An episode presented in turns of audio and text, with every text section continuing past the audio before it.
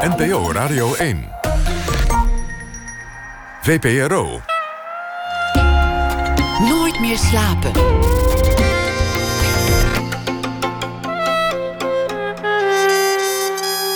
Met Pieter van der Wielen.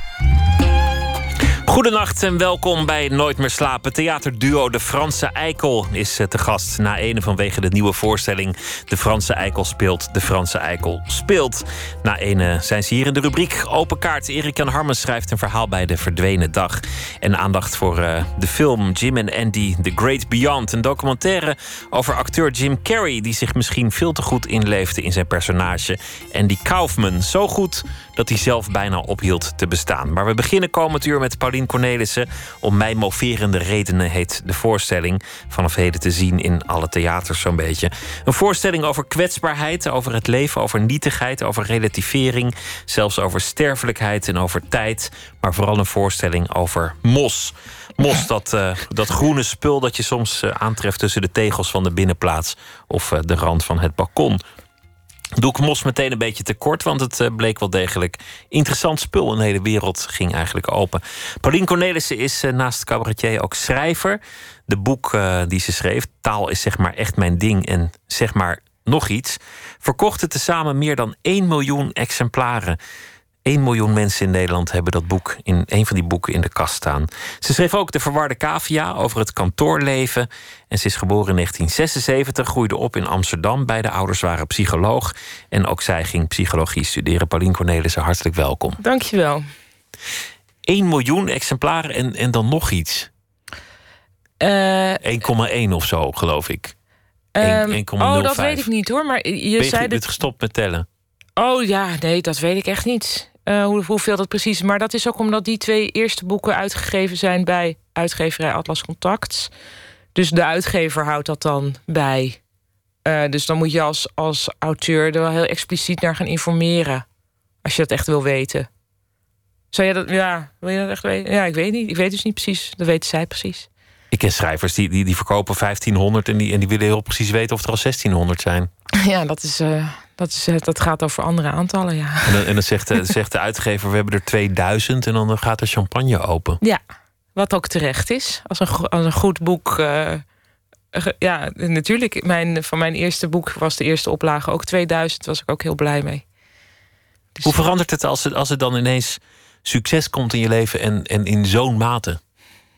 Um, uh, wat verandert er zou je iets specifieker kunnen zeggen wat je bedoelt met. Uh... Hoe is je leven nu anders?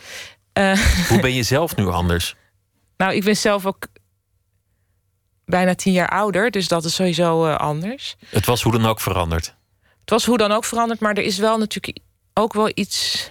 Ah, is moeilijk. Um, heel veel van het verkoopsucces, waar je het dan over hebt, um, wat niet hetzelfde is als succes, mijn inziens, Um, dat verkoopsucces, dat kwam mij heel erg uh, als, als iets heel vreemds uh, voor. Dus ik, ik, ik weet nog heel goed dat ik toen mijn eerste boek net verschenen was, dat ik op een gegeven moment met een vriendin op vakantie was in um, Italië. En dat ik toen een telefoontje kreeg van we gaan de achtste druk opleggen, zoals dat heet. En dat vond ik, dat vond ik zo vreemd. En dat ik toen zo uitkeek over die camping. Dat was zo'n ANWB-camping. En dat ik het, uh, waar hebben we nou eigenlijk een achtste druk? Dat is zoiets. Uh, ik vond het vooral heel erg raar. Tegelijkertijd was het natuurlijk ook heel erg leuk. Want het heeft bijvoorbeeld mijn cabaretwerk heel erg geholpen. Het feit dat mensen mijn boeken lazen, betekent ook dat, dat er dus meer interesse was in van wat doet zij eigenlijk. En van toen af aan zaten mijn zalen veel voller. En het geld, maakt dat uit? Als je, als je, als je ineens, nou ja, toch, ik neem aan dat je wat zal het zijn, 30 cent per exemplaar krijgt. Misschien heb je wel goed onderhandeld en is het meer. Uh, nou, bij mijn eerste boek heb ik niet onderhandeld. Had je wel uh, moeten doen achteraf. Ja, maar nou, dat weet ik niet.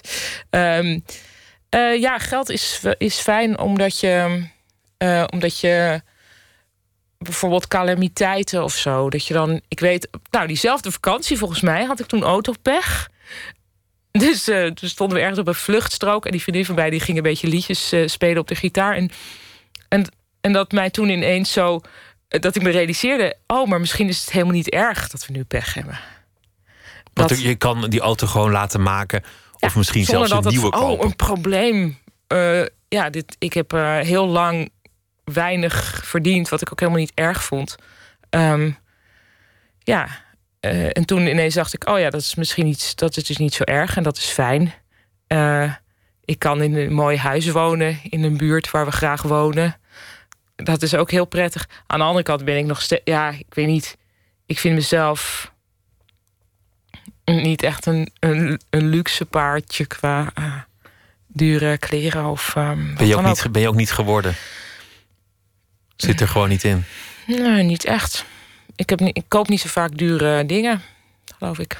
Dat van die auto lijkt me heerlijk. Dat je dan een auto hebt die een piepend geluid maakt. En dat je dan stopt bij een garage en zegt. alsof het schoenen waren, hou die ouwe maar. Dan neem ik die wel. Ja, dat heb ik dus niet gedaan dat je hoor. dan van het Er onding is af gewoon bent. iemand gekomen van de wegenwacht in Zwitserland of waar waren we. Ehm, maar toen dacht ik, oh ja, dat is, eh, dat is fijn. Maar je zei, verkoopsucces is voor mij eigenlijk nog niet succes. Nou, eh, nee. En het, ik realiseer me ook dat het misschien een beetje... Ja, lekker makkelijk om, voor mij om dat zo te zeggen. Omdat dat verkoopsucces er ook is. Maar voor mij, ehm, met betrekking tot mijn cabaret... is het pas succesvol geworden voor mij... toen ik kon maken wat ik zelf wilde maken... en me niet zoveel aantrok van wat anderen daarvan vonden. Want Dus- dat deed je wel heel lang. Eh, ja, eigenlijk wel. Vooral, ehm, kijk, als je net begint met theater maken, dan, dan ben je natuurlijk nog heel vrij. Eh, omdat je hebt iets ontdekt van, oh, dit, ik wil iets tonen. Vervolgens gaan mensen er iets over vinden. En in mijn geval, ja, dan, ik raakte toen wel een beetje van koers af. En pas toen ik weer dacht van, nou ja, eh, dan vindt maar niemand het leuk. En dan doe ik wel iets wat geen cabaret heet, maar een of ander, ja, iets op een podium is. Dan, eh, ja, dan laat dat het dan maar zijn. Ehm, toen ging het veel beter, want dan ben je dus wat soevereiner en dat vind ik succes. Toen je niet probeerde om, om de grote komiek te zijn, toen kwam het pas. Ja, Toen lukte het pas. ja eigenlijk wel. Het, het was een tijd dat je, dat je rondreisde in een, in een autootje. Een auto die misschien ook wel piepte, maar nog niet te vervangen was. En dat je Mhm. dan voor, voor tien man stond in Ja. een theater. En toen had ik ook nog geen auto. Oh, je had helemaal geen auto Nee. zelfs. Nee. Dus dan moest je ook nog de laatste trein terughalen uit, Ja, eh, uit Uden. Uit Zwolle. En dan, en dan moest je dan rennen vanuit het, vanuit het theater. Want misschien lukte dat dan wel niet. En dan weet je, attributen en zo. Ja, Tien man, dat, dat, lijkt me, dat lijkt me ontzettend moeilijk om te bespelen. moeilijk. Ja, dat is, echt, eh, dat is echt heel moeilijk. Ja, dus daarom vind ik ook altijd dat mensen...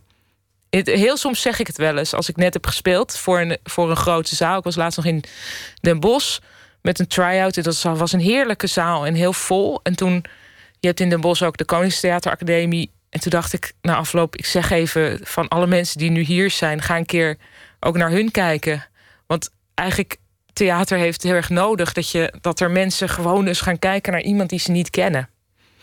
En dat, dat heeft mij natuurlijk eh, gered. Want waarom zou iemand komen kijken? Als je niet bekend bent dat er toch mensen in die zaal zitten. Ja, je moet dus maar denken van... oh, eh, nou, geen idee wie dit is. Ehm, ja, zullen we een avondje uit? Nou, dan moet je dus een keertje misschien niet naar de film gaan... maar naar iemand die je niet kent. Is een goed advies. Maar tien man, dan zou je. Nou, het is net te veel om ze aan elkaar voor te stellen. Ja, Maar- en dan wordt, het ook een heel andere eh, dynamiek. En eigenlijk wil je... Ik, vind eigenlijk 12 zo'n beetje wel de kritische grens. Ehm, ik heb wel het gevoel dat met 12 kun je nog genoeg... Want als publiek heb je, wil je ook een soort anonimiteit hebben, volgens mij. Je wil niet echt dat het de verjaardag van iemand wordt. Toch? Dat ze echt zeggen: Henk, dit is Piet en Piet, dit is Klaas. En eh, leuk dat Nee, jullie daar, daarna zijn. wordt het super raar als iemand dan alsnog grappen gaat vertellen. Of verhalen. Dan, dan kun je net goed met elkaar gaan praten. Van wat heb jij dan gedaan vandaag? Toch? Lijkt me wel. maar maar was, dat, was dat het pijnlijkste of was het pijnlijkste als mensen kritiek hadden? Als, Oh, als kritiek vakgenoten zeiden. Oh, dat is veel pijnlijker. Nee, dat er mensen niet zijn, vond ik volstrekt begrijpelijk.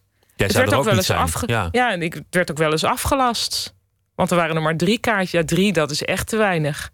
We laten het maar niet doorgaan. En dan was ik dan stiekem een soort van opgelucht. En dan vervolgens had ik dan weer schuldgevoel over dat ik daar opgelucht over was. Want je moet natuurlijk alles over hebben. voor je vak. Ja, het is wel een slecht nieuwsgesprek als het theater je afbelt, want er zijn geen kaartjes verkocht. Ja, maar kan je je voorstellen dat het dus een opluchting is?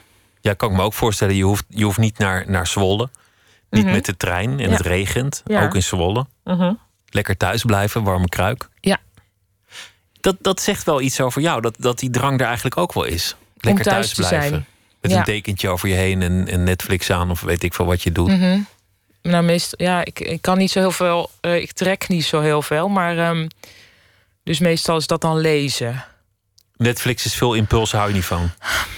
Nou, sinds een tijd lukt dat niet zo goed meer, nee. Vroeger wel, maar nu niet. Dat is ook een gedeelte van mijn voorstelling. Gaat daar eigenlijk over- ook over, over dat dat niet zo. eh, eh, de- ja, dat, veel, dat ik veel erg vind. In de Dus- wereld. Ja, maar dus ook in wat er dan aangeboden wordt aan fictie via de tv of, of Netflix. Dan, dan zou je dus eigenlijk eh, een soort van overgevoelig heten. Of, of gevoelig, laat ik het over weglaten. Nou, gevoelig zou ik mezelf wel willen noemen, ja. Ja. Sensitief. Ja, eh, hoe je het ook wil noemen, dat maakt weer niet uit, denk ik. Want er valt toch niks aan te doen. Maar hoe kan het dat iemand die dat heeft, juist op zo'n plek terechtkomt, Als in het theater. als in het theater op het podium, of, of nog erger in de comedy train, Mm. waar, waar het er keihard aan toe ging? Ja. Waar mensen elkaar eh, de waarheid vertelden, waar het publiek ook gewoon zei opdonderen, volgende act. Waar mensen wachten op de volgende harde grap. En daar sta je dan terwijl je eigenlijk de wereld al niet zo goed kan. Ja, maar soms, dat is dus toch gek. Want heel vaak wat ik wil maken of wat ik maak, dat. Er zijn dus momenten van goddelijke zelfoverschatting. En dan, dan bedenk je, oh, dit wil ik en dit kan ik. Dan ga je dat maken. Nou, dan vervolgens moet je dan weer door de shit. En dan eh, tot het uiteindelijk iets goeds is. Maar dus er zijn ook momenten dat ik geen enkel probleem zie. Want anders zou je natuurlijk niet dit- gaan doen. Daarnaast denk ik ook dat. Sorry als mijn stoel kraakt trouwens. Hoor je dat of niet? Nou, dan moet jij niet sorry zeggen. Ik heb, hier, nou, ik heb hem ook niet neergezet, maar de, de organisatie De die organisatie heeft het gedaan. ons hier... Ja, Ehm, eh, theater, vind ik, is, ehm, is ook een manier om te proberen een, een wereld te creëren die je een beetje kunt beheersen. Dus de rust van. Kijk, theater moet niet rustig zijn, maar de situatie van theater is natuurlijk rustig. Dat mensen zitten in een zaal, dat ik daar sta. je hebt een uur, de deur is dicht. Ehm, ja, bent wel met meer dan elkaar. een uur. Ja, ja, het gebeurt alleen daar. Er is niet iets. Tegenwoordig gebeurt altijd alles niet alleen maar. Ik bedoel, dit gesprek hebben wij nu. Ik neem aan dat je het dan later weer terug kunt luisteren. Er is ook nog een webcam bij aanwezig. Alles gebeurt. Bijna niks gebeurt nog op één plek. En theater wel. Dus dat vind ik ook wel juist heel prettig voor. ehm, Het is Ja. ook een manier van afsluiten, zeg je.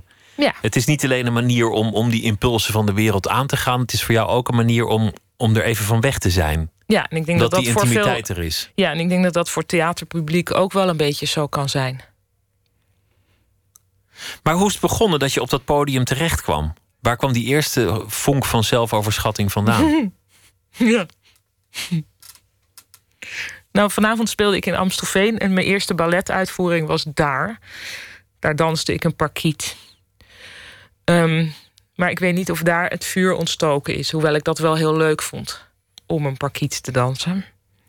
Ehm,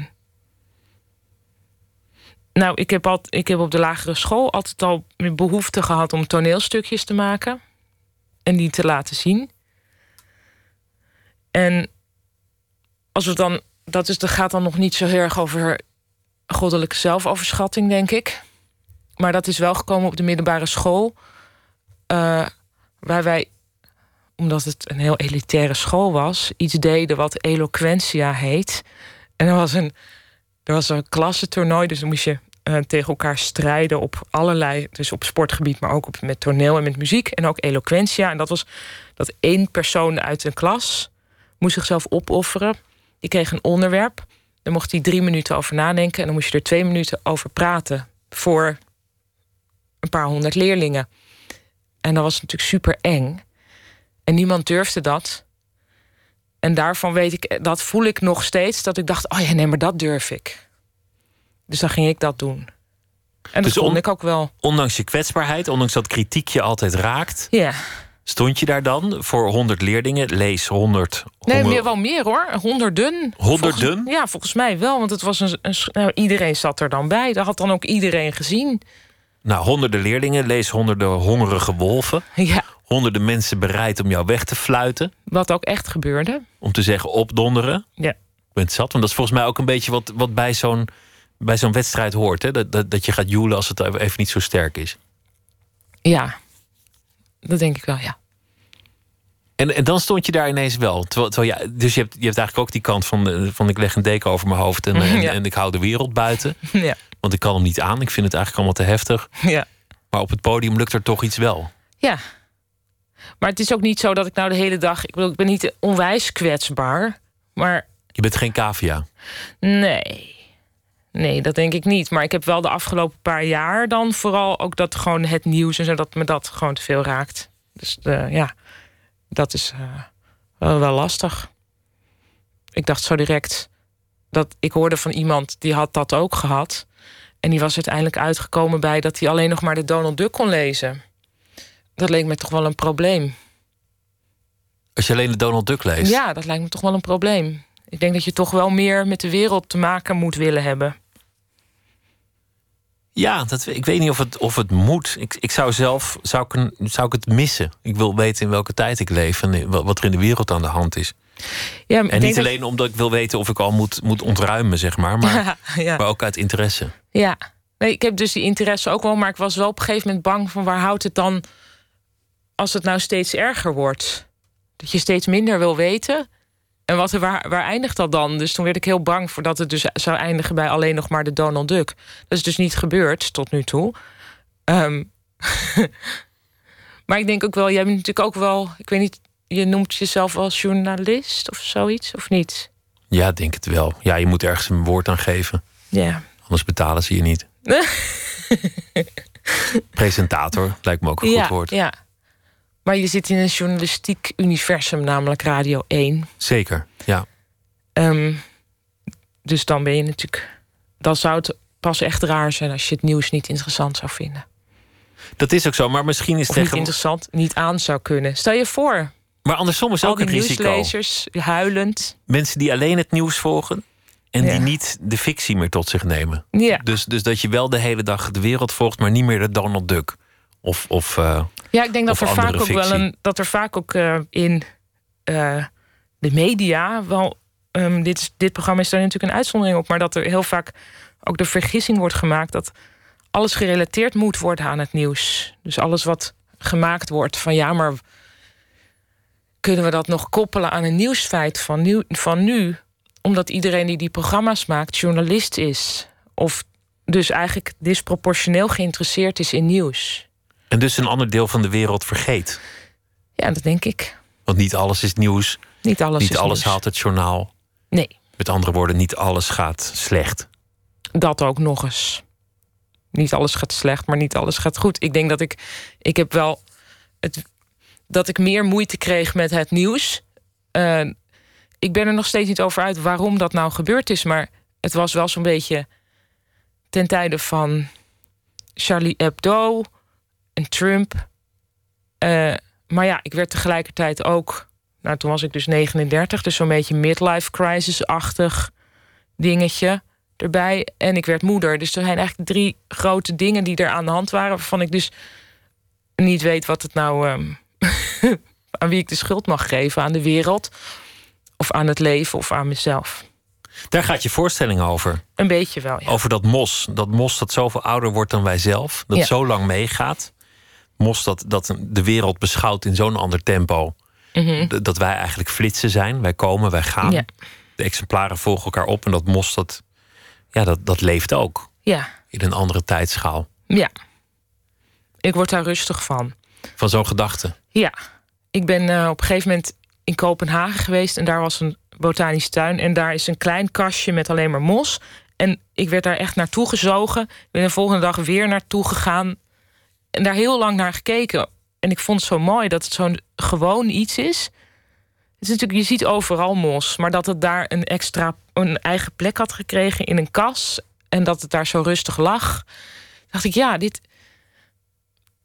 dat is zo. ehm, ik geloof dat ik nog in het vliegtuig was gestapt met het idee van ja, misschien stort het wel neer, misschien is er wel een, eh, een aanslag en weet ik veel. En ineens dit- dat mos stond daar helemaal buiten. Dat was een andere eh, realiteit. En ik weet natuurlijk ook wel dat mos geen bewustzijn heeft, dus ook niet kan reflecteren op deze tijd. Maar ik dacht toen wel van ja, stel nou dat het mos ons zou bekijken, de- hoe zou dat er dan uitzien? En dat was eigenlijk ehm, een vertrekpunt voor deze voorstelling. En daarom heb ik ook besloten dat het mos op het podium moest. En dat je, dat je ook over dat mos praat, maar eigenlijk praat je over deze thema's. Mhm. Wat, wat grappig is, omdat toen jij begon, Ja. toen, toen trad je op op het Leidse Cabaret Festival. En, en Mhm. toen heb ik je daar gezien. Ja. Je werd tweede. Ja. En, en in die of tijd. derde, hè, dat weet je niet. Maar de- niet de winnaar was nou, niet te winnen. Ja, maakt het ook uit. Het, het, het is niet een hardloopwedstrijd of Nee, zo. nee. Maar, maar het interessante is dat, dat je iets heel anders deed. Dan, dan wat toen gangbaar was in het cabaret. Was, het was zeg maar de nasleep, de, de vele imitatoren van Hans Theo, Theo Maassen. Mhm. De harde grap, de snelle grap. Ja, Of de actualiteit. ja. En jij hebt iets toegevoegd waarvan niemand ooit had gedacht dat het zou kunnen. Namelijk een beschouwing over mos en de rust van het bestaan. ja. En het wel degelijk grappig maken. En het ook wel degelijk gewoon laten passen in het theater. Nou, dank je daarvoor. Ehm, overigens, nu lijkt het net alsof ik in 2007 ook met mos bezig was. Maar dat is niet zo. Nee, maar je was niet bezig met, met een was- mening. Je nee. was niet bezig met, met een Ik harde toen- grap over het nieuws. Nee. Ik was met mijn neus piano aan het spelen. Dat was echt een. eh, eh, dat was iets waar ik eh, heel blij mee was dat ik dat kon. En je fantaseerde over een groot componist die op de viool de Ja. ringtoon van Nokia had bedacht. Ja. Bijvoorbeeld, en verder weet ik het niet meer. Nee, nou ja, dat, dat waren. ehm, ja, dingen waar ik mee bezig was. Ik vind het altijd fijn om het over kleine dingen te hebben. die iedereen misschien wel opvallen. eh, maar waar mensen overheen kijken, daar hou ik van. Niet, niet de grote mening, niet de politiek, niet dat nieuws. Ik heb altijd het gevoel dat me- mijn mening. Ik heb natuurlijk wel meningen als ik eh, eh, het nieuws hoor. En dan denk ik ook wel wat van. Maar ik heb nooit zo het gevoel dat met dat soort meningen. dat ik echt iets toevoeg. wat niet al door anderen ook wordt gezegd. Terwijl met wat ik dan wel maak, denk ik. oh ja, maar ik geloof niet dat ik anderen dit zie doen. Snap je? Ja, dat snap ik heel goed. Ik vind, ik vind ook niet dat alles altijd maar over dat nieuws moet gaan. Nee. Of over de politiek of over de zogenaamd belangrijke dingen. Nee, maar ik denk ook dat het Mos heel awkward belangrijk. zou worden als ik dat zou gaan doen. Een heel. eh, dat lijkt me niet zo'n goed idee. Je beide ouders waren, waren psycholoog. Ja. Dan, dan zou ik heel makkelijk kunnen gevraagd... staat ze jou dan de hele dag te analyseren? Maar zo ging het vast niet. Dit Want dat vraagt iedereen waarschijnlijk altijd. goede manier om dat toch te vragen. Ehm, Nee, ik vraag het niet, dus je mag ook niet antwoorden. oh, maar eh, inderdaad, zo ging het niet. Maar niet elke psycholoog is ook een behandelend psycholoog. Hè? Mensen denken vaak dat iedereen die psycholoog is, dat hij ook therapeut is. Maar mijn vader was meer into wetenschapsfilosofie, taalfilosofie ook. Ehm, mijn moeder die, eh, is uiteindelijk wel therapeut geworden. Maar toen ik klein was, was zij veel meer bezig met statistiek en enquêtes. Dat betekent dat het dus niet heel veel over hun werk ging thuis. Ehm, maar het ging ook niet veel over politiek of over nieuws. Dus wat dat betreft snap ik wel. Ja, ik heb dat niet van huis uit meegekregen. Niet heel geëngageerd in die zin. Eh, ja, geëngageerd vind ik altijd weer een beetje een lastig woord. Maar ehm, het was niet zo dat wij. eh, nou, je hoort toch wel eens van die gezinnen. Ik weet eigenlijk niet of die echt bestaan, maar je hoort dat wel eens. Hè, van een, wel altijd levendige discussies over de kabinetsformatie. Nou, dat hadden wij echt helemaal nooit. Terwijl we, geloof ik, wel Nova keken. Dat er toen nog was. Voor wie dat niet weet, dat was een soort na het laatste journaal of zo. kwam er dan nog actualiteiten, maar dan de diepte in. Dat keken we wel. Maar aan de ene kant dat, dat chique milieu, Barlees, eh, Mhm. de, de, de school waar je naartoe ging. En aan de andere kant ook een beetje een omgeving van. Jullie hebben in een kraakpand gewoond, geloof ik. Nee, nee, maar wel tussen de kraakpanden. Tussen de ja. kraakpanden. Ja. Maar aan de ene kant was het ook wel een beetje alternatiever. Ja, heel erg, ja. Oh, ja, ja, we hadden geen auto. We hadden kloksop. Dat was het enige milieuvriendelijke wasmiddel destijds. Waar, waarvan je wel een hele fles nodig had voor één bord. Nou, dit ging natuurlijk niet om een afwasmachine, want dat hadden we ook niet. Het ging om kleren wassen. Oh ja. De wasmachine.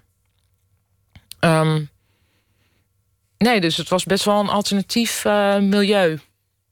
Eigenlijk. Omdat mijn ouders, denk ik, zelf ook. eh, ja, een beetje hun leven hebben vormgegeven of zo. Ze zijn niet, niet, zeker mijn vader, niet in de voetsporen van zijn eigen ouders getreden. Dus die heeft het wel een beetje zelf moeten ontdekken. Was er veel humor thuis? We moesten wel veel lachen, ja. Grapjes die jullie met elkaar maakten? Ja. Een eigen taal eigenlijk. Eh, nee, niet. Nou, wel een soort gevoeligheid voor taal, denk ik. Mm, nee, maar vooral grapjes maken. Ja, dat wel. Hoewel ik niet zo heel goed.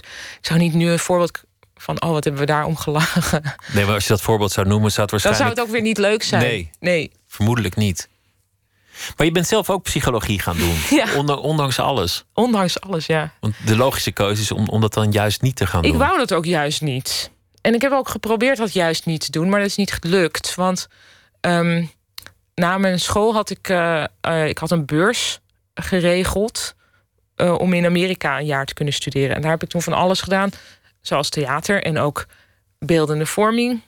En ook, maar ook psychologie en taalwetenschap en antropologie paleoantropologie. Dus allemaal van die vakken die je allemaal, gewoon alles wat ik leuk vond. En toen kwam ik terug en toen dacht ik, ik wil theater gaan doen. En ik had toen nog niet door ehm, ja, dat cabaret zeg maar een optie was. Dus ik dacht, dan moet je dus actrice worden. En, ehm, maar dan moest je halverwege het jaar auditie doen. Ik heb besloten dat toen te doen. En dan alvast iets te gaan studeren voor als het niet zou lukken. Die auditie. En ik vond de vraagstellingen van de psychologie het interessantst. Dat vind ik ook nog steeds. En wat, wat bedoel je met de vraagstellingen van de psychologie? Wat een psycholoog zich afvraagt is: wat maakt een mens tot een mens? Wat is denken? Ehm, wat is handelen? Hoe ontstaat, eh, hoe gaat het van een gedachte naar een handeling toe? Wat is een emotie? Dat vind ik allemaal heel interessante vragen. Ehm, dus ik ben dat toen gaan doen. Vond ik nogal een desillusie. Want het was een supergrote studie aan de UvA. En ik was helemaal niet gelukkig. In die tijd ging iedereen psychologie studeren. Of rechten. Of rechten. Wat heb jij gedaan eigenlijk? Geschiedenis. Ja, dat was ook een mogelijkheid. Dat was toen ook een enorme studie. Ja. Maar die vielen heel snel af, want toen moest je allemaal jaartallen leren. En dat was bij, bij psychologie hadden ze statistiek om ze er weer uit te werken. Ja, inderdaad. En, en eh, wij hadden jaartallen.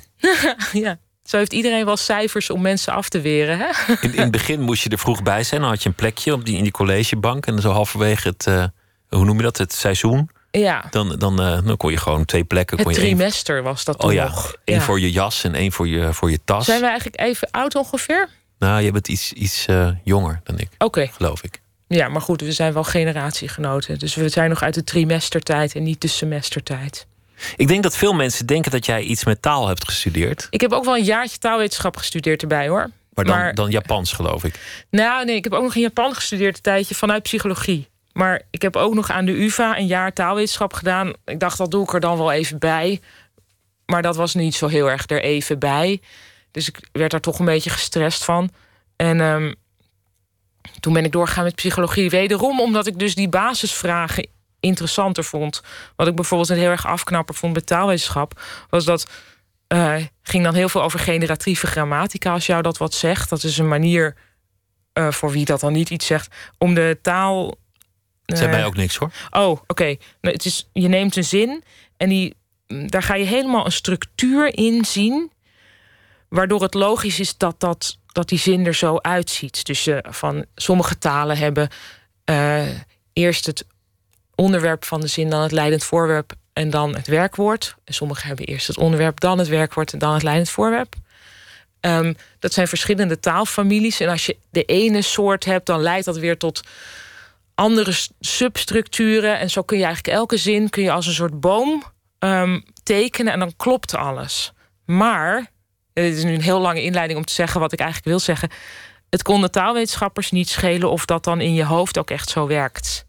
En daarvoor was ik inmiddels te veel psycholoog geworden. Dat ik dacht, maar waarom zijn we hier dan mee bezig als we niet eens willen weten hoe het echt werkt? Hoe je brein taal ontvangt.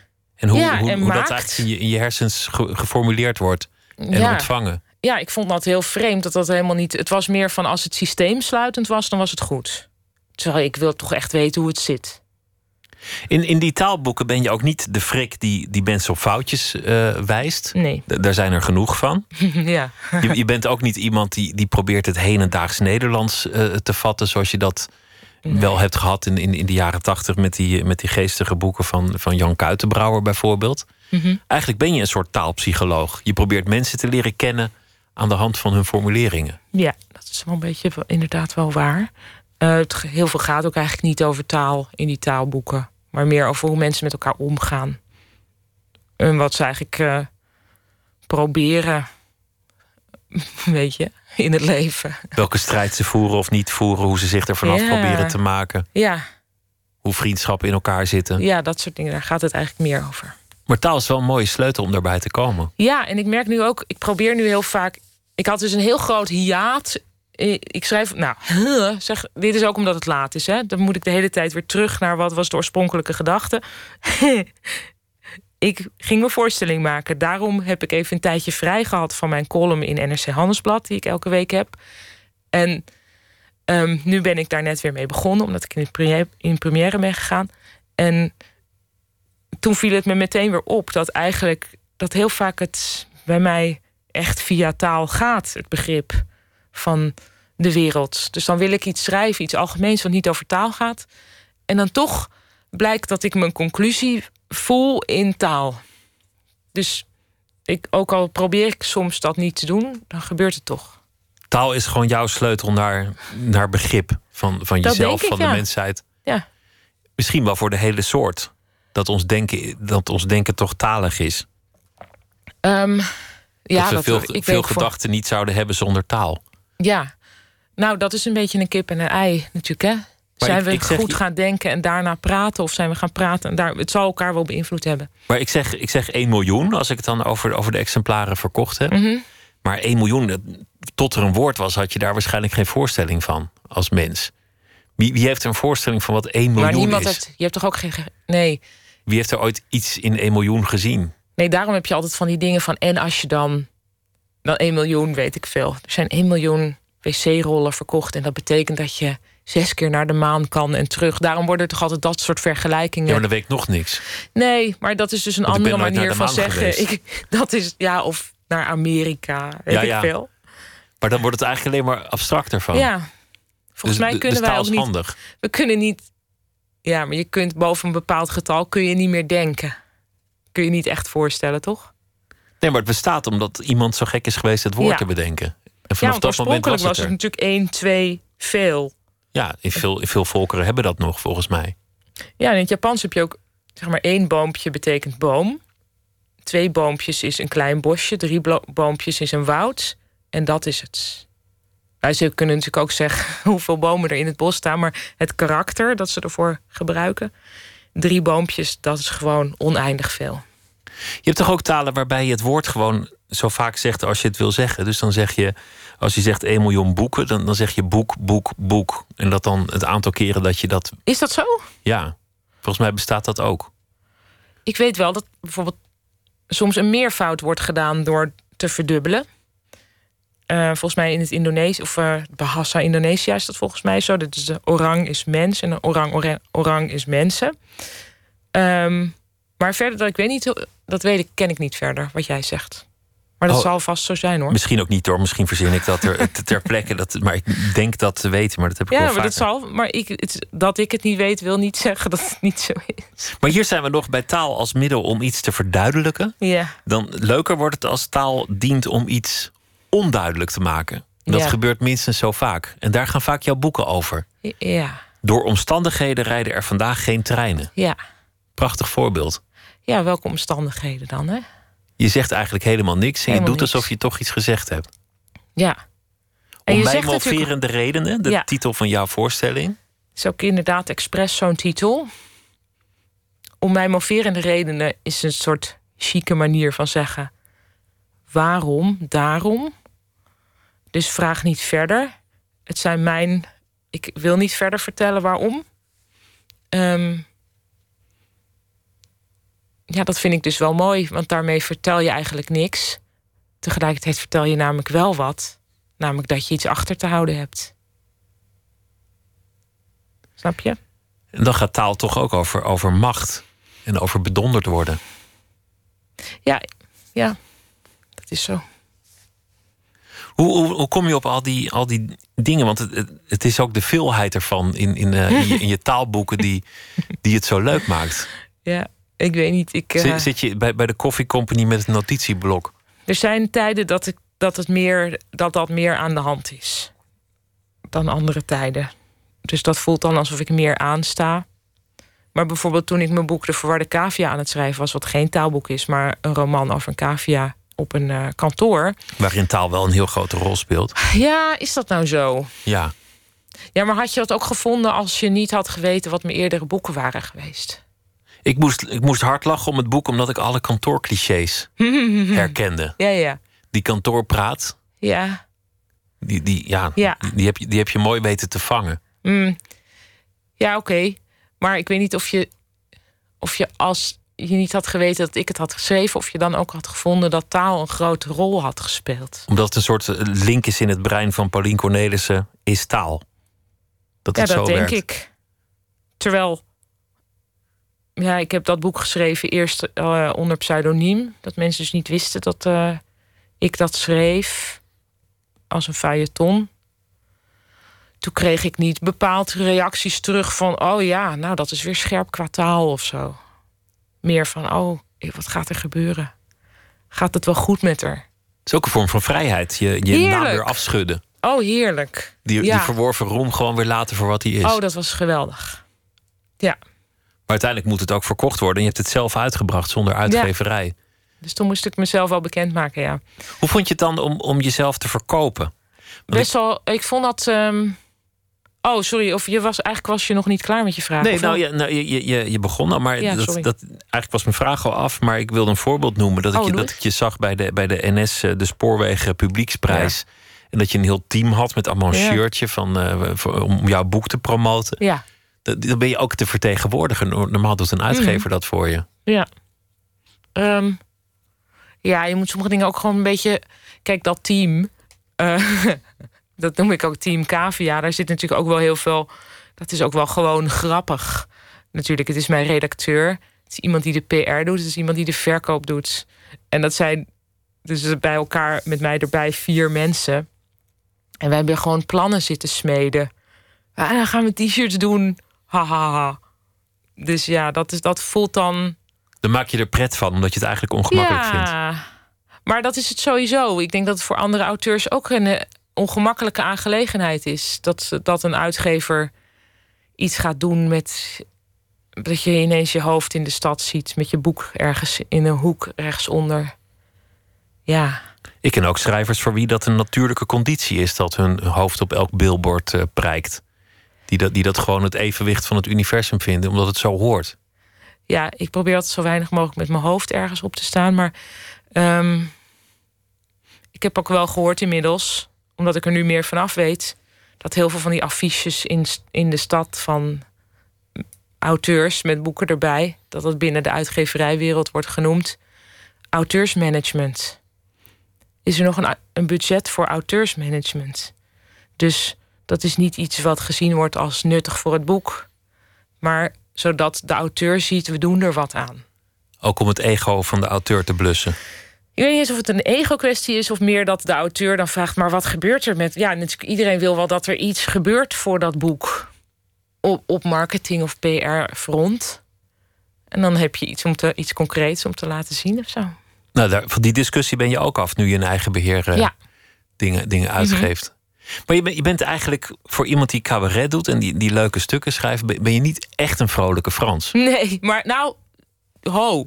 Want voor iemand die cabaret doet, ik ken bijna niemand die cabaret doet. Die heel vrolijk is hoor. Het, is, het is- zijn allemaal of jij huilende. wel. Je krijgt ze hier natuurlijk allemaal langs. Nou, nee, kan ik niet, niet zeggen. Maar het is. Nou, vaak ook wel een beetje de huilende clown, toch? ja. Ja, oh ja, ja. ja. Maar dat, is toch, dat geldt toch voor bijna iedereen uh, die, die cabaret doet? Vrees dat je gelijk hebt. Ja, ik zit even al die, al die cabaretiers af met, een, met, met al hun eigenaardigheden. En dan, ja. dan een soort oordeel, dat weet ik eigenlijk ook niet. Maar bij jou komt, is het vertrekpunt wel een soort melancholie die op de loer ligt? Ja, ik heb het gevoel dat iemand als Hans Sibbel bijvoorbeeld wel echt heel vrolijk is. Dan weet ik ook, ik misschien stel dat hij nu luistert, dat hij, dat hij net aan het huilen was. En dat het dan nu een heel pijnlijke opmerking van mij is. Maar die heb ik wel eens horen praten over het leven, dat ik dacht: oh, oké, dat kan blijkbaar ook. Maar de meeste cabaretiers die ik ken, die hebben toch uh, enige moeite met de wereld. En proberen dat dus op de een of andere manier op te lossen op het podium. Zonder dat dat, ik bedoel, dat klinkt dan therapeutisch en dat is het niet. En dat moet het ook niet zijn. Maar um, als je iets maakt, dan iets creatiefs doet. Uh, het is allemaal heel veel moeite. Dus er zit vaak toch wel een reden achter dat dat moet. Toch? Een soort drang die, die er is. Want anders, anders zou je het gewoon niet doen. Nou, de meeste mensen gaan dit toch niet, gaan niet een jaar aan een voorstelling werken en die er dan die vervolgens spelen, toch? Wat is die drang dan? Um, um, die drang is dat ik het dus een prettig idee vind als. Nou, kijk. het voelt soms een beetje eenzaam uh, om de wereld uh, te zien zoals ik die zie. En, dan, en dat klinkt ook weer heel erg huilie-huilie. Maar dus, dus probeer wat ik nu zeg dan dus minder dramatisch te maken in je hoofd. Um, en als ik er dan iets van kan maken waar ik mensen om kan laten lachen, omdat ze er iets in herkennen of, of juist niet, dan voelt het uh, alsof het allemaal nut heeft ja, ik vind het nu verschrikkelijk bijvoorbeeld dat. Uh, ik vind ik altijd verschrikkelijk, maar nu ook dat het leven eindig is. Um, en nu ik 41 ben, is het natuurlijk hopelijk nog helemaal niet heel snel zo. Maar het is ook niet meer. Ja, ik ben wel een beetje op de helft. En de, ja, dat, ik kan dat gewoon niet bevatten dat het zo is. En dat ik nu de rest van mijn leven. Dus ik ben nu wie. Ik, sorry dat ik totaal niet uit mijn woorden kom. Het is ook laat. Nee, maar je komt tot een goed punt. Wat, je, wat je volgens mij zegt, is dat het een manier is om om te gaan met de dingen die jou. Die, die jou eigenlijk achtervolgen, zijn. die onverkwikkelijk zijn. Ja, en dat ik de rest van mijn leven dus alleen maar mijzelf zal zijn. Dat vind ik dus ook. Ik kan het nauwelijks uitleggen, maar daar kan ik bijna niet tegen. Het is dus eigenlijk een verzet tegen, tegen een lot dat je tegen niet aanvaardt. Tegen de realiteit, ja. De, Het is de, de, werkelijkheid uitlachen, dat doe je op het podium. Ik hoop het. Ja, terwijl ik dus een heel leuk leven heb. Dat is ook zo gek, want ik ben dus wel gelukkig. Maar ik vind het heel vreemd, het leven. Maar geluk en ongeluk, dat is nog iets anders dan, dan, dan vrolijkheid en melancholie. Blijkbaar. Geluk hoeft niet altijd in, in juichende stemming te worden beleefd. Nee, dat is waar. Maar ben je ook bang voor de dood? Is, is het een angst? Um, nou, de dood zelf lijkt me niet zo erg, want ik denk dat je dat niet merkt. Want ik geloof niet in uh, iets, daar, iets erna. Nee, maar ik hoorde net in het radio nieuws twee mannen onder grind bedolven. Dat, dat lijkt me dan wel. Nee, dus dat is vlak dood. voor, hè? Ja. ja. Dan leef je nog, ja, dat is waar. Ja. Vlak voor de dood lijkt me niet zo leuk, maar ik vind ook gewoon nu. Ik denk, oh mijn god, als ik maar niet nu doodga, want dan dan groeit mijn kind zonder moeder op. Weet je, dat, dat soort angsten heb ik natuurlijk nu erbij gekregen. En ik denk ook wel eens, soms dan. Uh, ik weet niet of je dit herkent, maar um, vroeger dan kwam ik bijvoorbeeld ergens en dan voelde heel veel dingen als, nou ja, dit is dan oefenen en dan op een gegeven moment gaat dit echt. Het grote leven gaat beginnen. Ja, maar ook van. Ehm, dus toen ik 18 was, woonde ik een jaar in Amerika. En eigenlijk voelde dat van: oké, ik probeer nu uit hoe het is om in Amerika te wonen. En op een gegeven moment ga ik ook echt in Amerika wonen. Bijvoorbeeld, hè, zou kunnen. En nu denk ik, nee, wacht even, dat jaar was dus dat ik in Amerika woonde, want waarschijnlijk ga ik daar helemaal niet meer wonen. Dus dat het besef dat wat, wat we nu doen, dat dit is wat we doen. En dit is niet oefenen voor dat er op een gegeven moment een echt leven komt. En dat het al die tijd al het echte leven is geweest. Dat vind ik heel heftig. Later is nu. Ja. Ja, maar het was ook al, het was al die tijd al het echte. Ik weet niet, oké, ander voorbeeld. Als jij, je hebt neem ik aan een la of zo met onderbroeken. Ga je dan, hoe selecteer je dan? Welke onderbroek je Mhm. aandoet. Ik koop ze altijd per tien, dus dan hoef je niet zo te kiezen. Oké, dus je neemt gewoon wat bovenop ligt. De bovenste, ja. En je hebt niet bepaalde favoriete onderbroeken. Nee, niet echt. Helemaal geloof ik. niet. Nee, want die gooi ik weg. Als ik, als ik dus geen fijne onderbroek vind, waarom zou ik hem dan... Oh ja, ja. Ja, Nou, ik heb dus wel, er is zeker hiërarchie in mijn onderbroeken la. Ja. En dan hoe komen die onderbroeken hier nou weer terecht? Nou ja, ga, Nou, ja. omdat. Dus dan. Ik voel dus bij mezelf dat ik heel vaak dan de minder favoriete kies. Want dan is de favoriete er nog. Terwijl waar slaat dat op? Dat is dus ook een soort uitgesteld leven. Snap dat je? is zelfkastijding. Nou, niet eens. Want het is niet dat. Ik bedoel, ik gooi een totaal onfavoriete onderbroek ook wel weg. Maar het idee dat er dus al iets in jouw geest is. Nou, dus niet in de jouwe, maar wel in mijn geest. Ehm, dat, dat dus iets zegt van nee, nee. Dit is niet een dag die de favoriete onderbroek verdient. Dat vind ik dus belachelijk. Ja, dat is een soort, eh, soort lingerie-Calvinisme. Ja, het is dat Calvinisme of een soort idee dat het, dat er, dat het nog niet echt is. Ik weet, ik weet het ook niet. Het is natuurlijk, het loopt ook. Ja, het is al het is tien voor één. Maar er kwam een dokter en die, die zei tegen jou: we hebben, we, hebben, we hebben wilde bewegelijke cellen. We Ja. weten niet wat het is. Oh. En, en misschien, misschien moet je het ook niet groter maken dan het is, maar dat is dan heel medisch bekeken. Mm. Maar dat, dat is toch zo'n moment dat, dat, dat even je adem stokt en je denkt: misschien, Ja. misschien is het wel bijna voorbij. Misschien is er wel echt iets met me aan de hand. Ja, De dokter maakt zich zorgen, dan doe je het zelf ook. ja, Dat is jou overkomen. ja. Dat we, om dat even duidelijk te maken, dus dat waren onrustige cellen op mijn baarmoederhals. Dus dat is eigenlijk een voorstadium van baarmoederhalskanker. En dat hoeft zich helemaal niet te ontwikkelen tot baarmoederhalskanker. Maar het kan wel, dus dat moet dan heel erg in de gaten gehouden worden. En uiteindelijk is dat, eh, zijn die cellen weggehaald. Ehm, waardoor ze er niet meer zijn. Maar dat is wel een moment dat, dat die angst ineens ook een beetje reëel wordt. Ja. Dat, dat, die, dat die sterfelijkheid er is. Ja, dat was heel gek. Dat was, vond ik heel raar. En, ehm, maar wel heel inspirerend. Gek genoeg. Maar dat dacht je toen niet. Nou, heel snel dacht ik, dacht ik eigenlijk wel. Omdat ik zoveel rare dingen toen ook in het ziekenhuis meemaakte. En omdat ik de hele term onrustige cellen ook zo interessant vond, eigenlijk. Maar wat dan? Wat doen ze dan? Ze zijn onzichtbaar. Wat zit er dan onder onzichtbaar onrustig te zijn? En ehm, ik weet nog heel goed dat ik toen ik dat net gehoord had, dat ik een boterham met pindakaas stond te eten en dat ik toen dacht, maar die boterham, ik heb dat precies hetzelfde gesmeerd als voordat ik wist dat dit ondertussen aan de hand was met mij. En dat vond ik dus heel vreemd, dat er onzichtbare dingen aan de hand zijn die toch grote invloed kunnen hebben. En daar ging mijn vorige voorstelling over. Toen heb ik cellen eh, onder een microscoop gelegd en getoond aan het publiek mijn spuug en mijn bloed. Om te laten zien, dit is mijn binnenkant. En dat kan je vermoorden. Dat kan gewoon jouw lot bepalen. Ja. Zo Ja. klein is dat. Ja, dat, is, dat vind ik doodeng. Hoe heeft dat je bestaan veranderd? Ehm, Zijn je angsten daardoor minder geworden? Omdat, omdat het een, een beetje er is geweest en toch weer niet. En, en je... Een tijd lang eh, was dat inderdaad zo. Ik heb vooral ook aan de narcose heel goede herinneringen. Dat ik toen vlak voordat ik onder narcose werd gebracht, dat ik toen dacht: Nou, als ik nu dood ga, is het ook goed.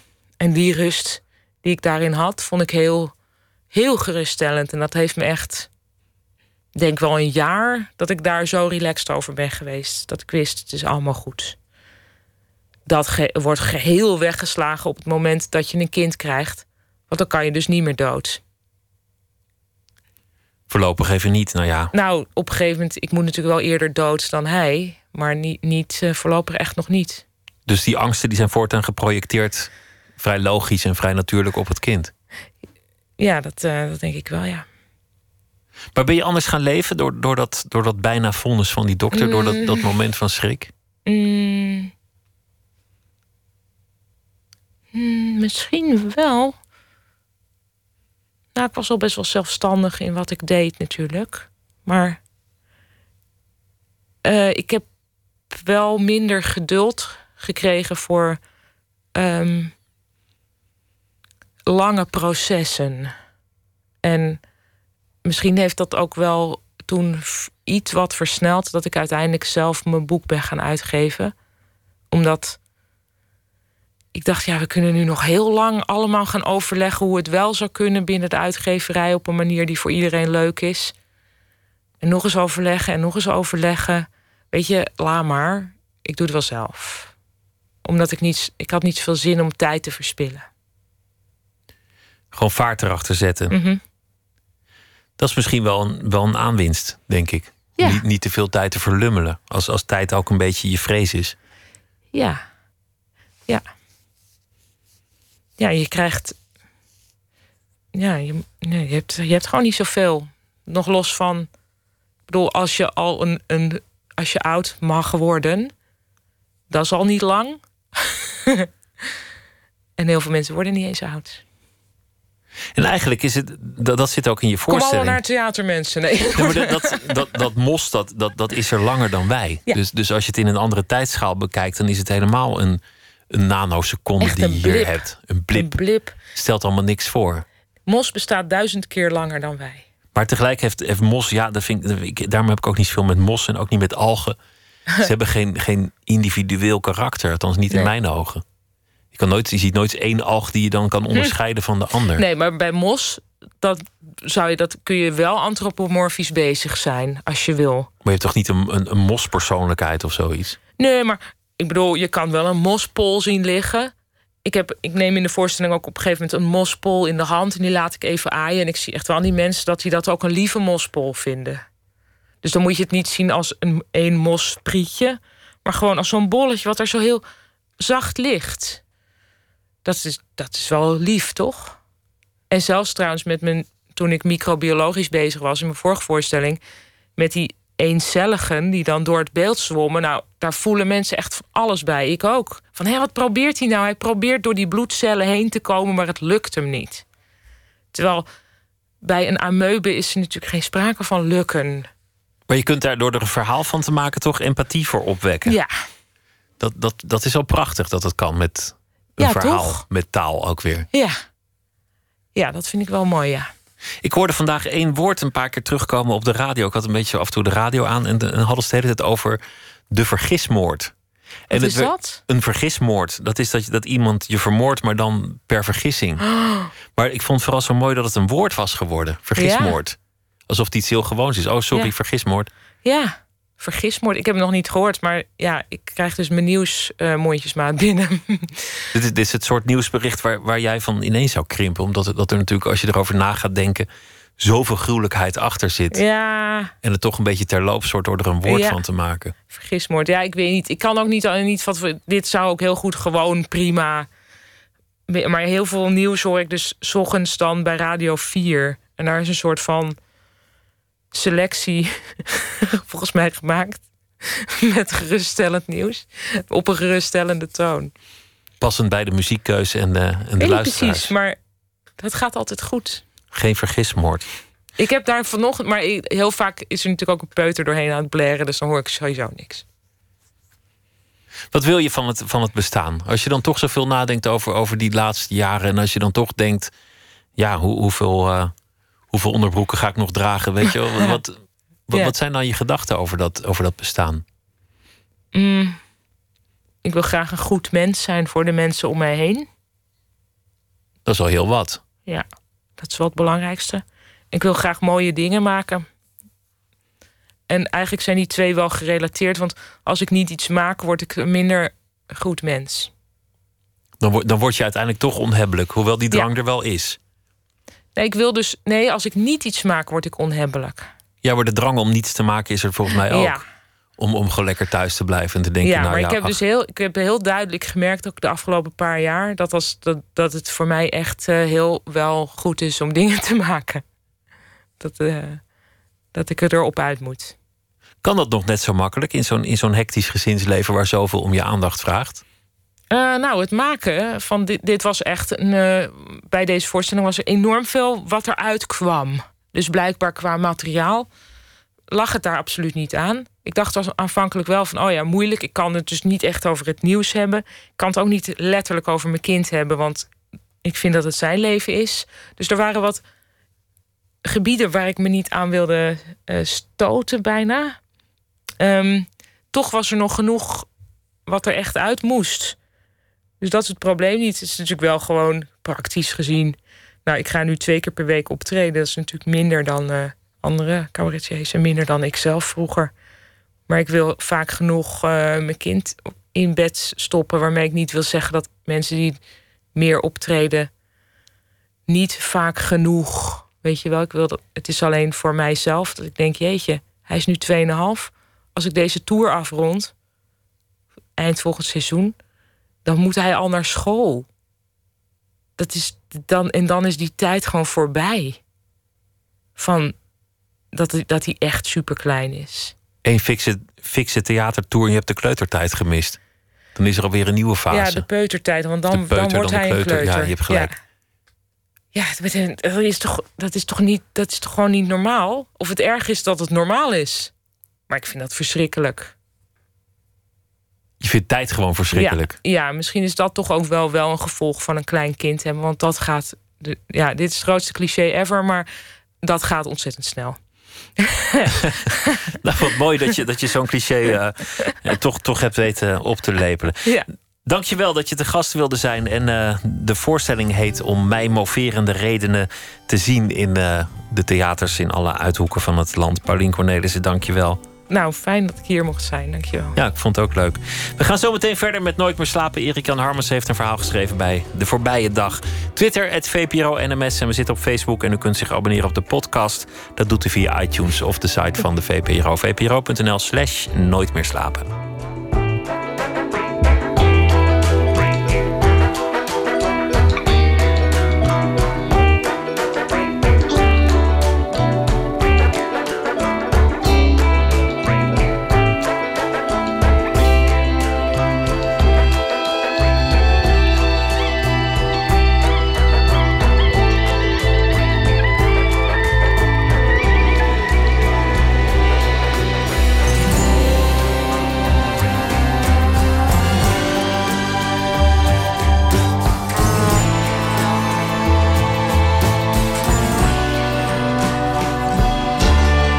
Radio 1.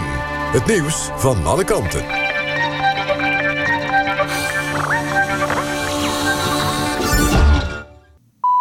1 uur even kunnen met het NOS-journaal. Premier Rutte heeft een bliksembezoek gebracht aan Mali. Hij is deze week in buurland Ivoorkust voor de Afrikaans-Europese top. Rutte had samen met de premiers van België en Luxemburg... een ontmoeting met de president van Mali. Het ging onder meer over de problemen die Europa heeft... met de migratie vanuit Afrika. Mali is daarin een belangrijk doorgangsland. Rutte vindt dat die migratie moet stoppen. Op een woonwagenkamp in Den Bosch is een echtpaar doodgevonden. De man en vrouw werden vanavond rond 6 uur gevonden in een huis op het kamp. Het zijn waarschijnlijk de bewoners. Politie sluit een misdrijf niet uit en is een onderzoek begonnen. Bij het bedrijfsongeluk met Grind, net over de Duitse grens bij Dingsperlo, zijn twee Nederlanders omgekomen, meldt de Duitse politie. Het ongeluk gebeurde vanmiddag bij een afgraving in Isselburg-Anholt. Het is onduidelijk wat er precies misging. Een berg grind van zo'n 10 meter hoog zou zijn ingestort. Vier mensen werden bedolven, twee van hen konden worden gered. Aan de afgraving bij de Duitse grens werkte zeker één Nederlands bedrijf mee... uit het Gelderse Gendringen. Britse media melden dat er een principeakkoord is over het bedrag dat Londen aan de EU moet betalen vanwege de brexit. Het zou gaan om een bedrag tussen de 45 en 55 miljard euro. Veel meer dan de Britten aanvankelijk wilden betalen. Als er daadwerkelijk een deal is, zou dat een doorbraak betekenen in de moeizame brexit-onderhandelingen. De Britse regering ontkent dat er een deal is over de prijs van de brexit. Ook bronnen in Brussel zeggen dat de Britse media voorbarig zijn. Maar dat er wel sprake is van beweging in de onderhandelingen. Het weer nog. In het binnenland kan vannacht lokaal mist ontstaan... bij temperaturen rond het vriespunt. Aan zee iets minder koud en kans op een enkele bui. Morgen regelmatig zon, ook buien met kans op hagel en onweer. En het wordt morgen 5 tot 7 graden. Dit was het NOS Journaal. NPO Radio 1. VPRO. Nooit meer slapen.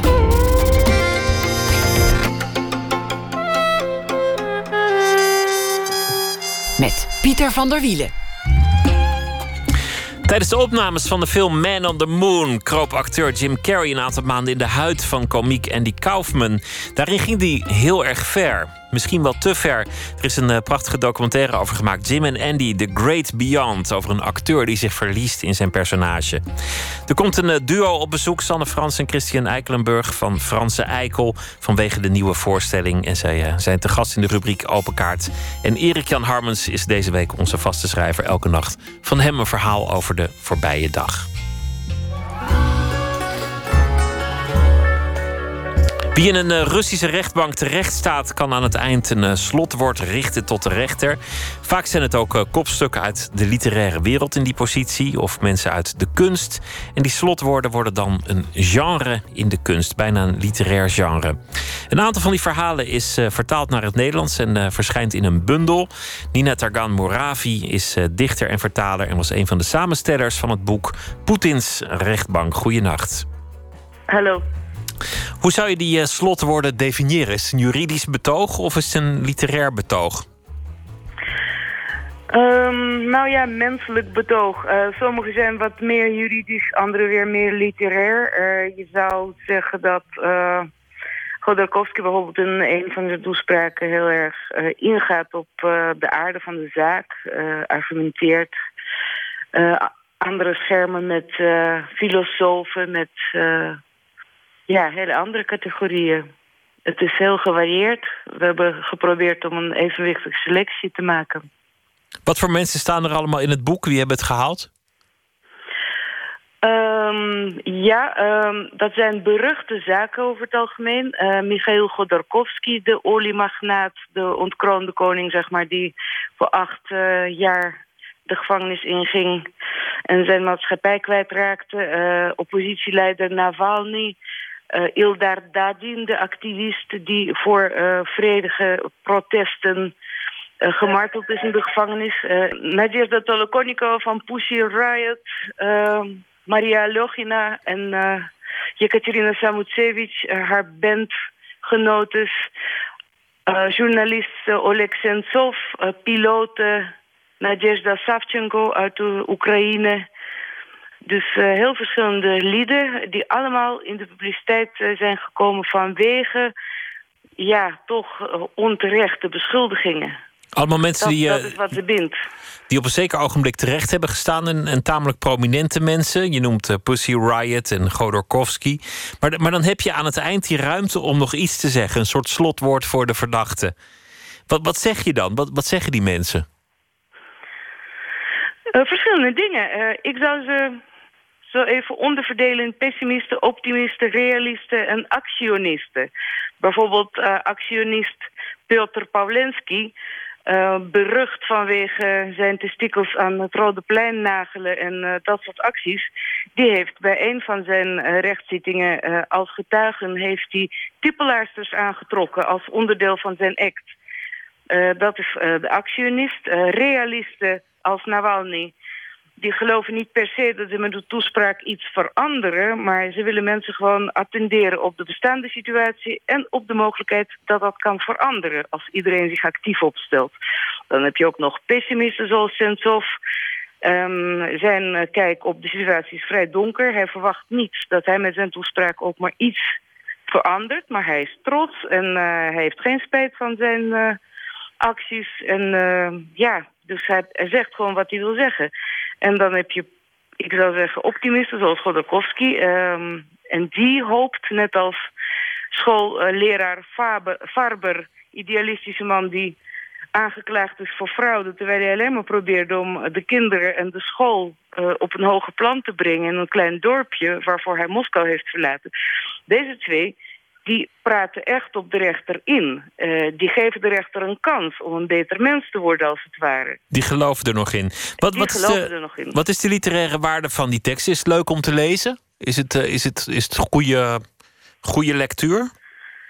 Wat mij betreft wel, anders hadden we dat natuurlijk niet uh, vertaald en gebonden. Op, op, wie, op wie richt je je? Wie hoop je dat het gaat lezen? En, en, nu heel veel mensen zijn natuurlijk geïnteresseerd uh, in Rusland, uh, in, in politiek Rusland, in uh, menselijk Rusland. sinds Peter de Grote zijn de Russen natuurlijk ook in, in Nederland geïnteresseerd. Dus er is iets tussen die twee landen, een soort bepaalde chemie. Het een is klein en verzorgd en het, ander is groot, onmetelijk, raadselachtig enzovoort. Dus ja, daar is altijd toch een soort spanningsveld tussen. Maar uh, je ziet ook dat uh, de Russische politiek en die onaangename ontwikkelingen... dat dat zelfs tot Amerika strekt. Hè? Dus dat uh, roeren in, uh, in, in de verkiezingen daar enzovoort. Dus wat politiek nu in Rusland gebeurt... en de meeste zaken in ons boek zijn toch min of meer van politieke aard... Ja, dat is relevant, zou ik zeggen. Dat raakt aan de wereld en het zijn mooie betogen. Poetins rechtbank heet uh, het boek. Nina, dank je wel. Goeienacht. En dank aan onze auteurs ook. Hè, en aan jullie voor deze gelegenheid. Dank je wel.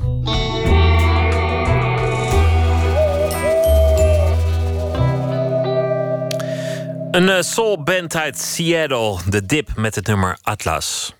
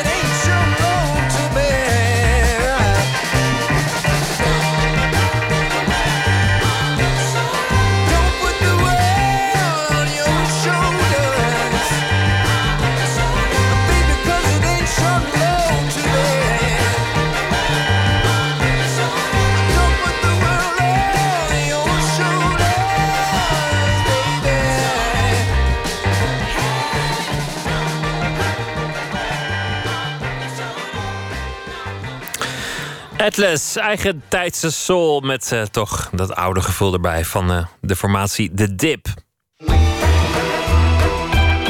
Nooit meer slapen. Method acting. Je helemaal inleven in je personage tot je als acteur bijna denkt dat je hem bent. Hoe ver kun je daarin gaan? Daarover gaat de documentaire Jim and Andy, The Great Beyond.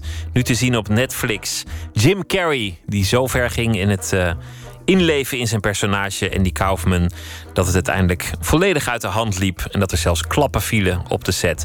Matthijs Deen ging naar de film samen met Thomas Heerma van Vos. Wow, we got into some crazy shit there, man. Om deze documentaire te begrijpen zou je eigenlijk twee dingen eerst moeten weten. Namelijk, wie is Andy Kaufman? Uh, wie was Andy Kaufman eigenlijk? En wie is Jim Carrey?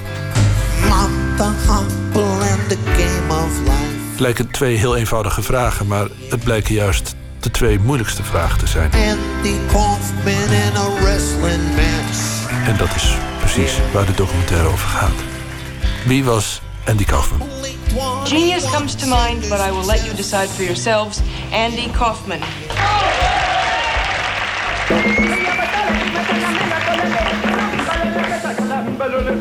I, I would like to do for you some imitations. So first, I would like to imitate Archie Bunker. You stupid! Everybody's so stupid. You, you muted, get out of my chair. You think that going to the kitchen make me the food. Everybody's so stupid. Right I don't like nobody so stupid. She will take my hand in marriage. I will offer my hand in marriage if she beats me right here. That Hello. I am Jimmy Carter, the President of the United States.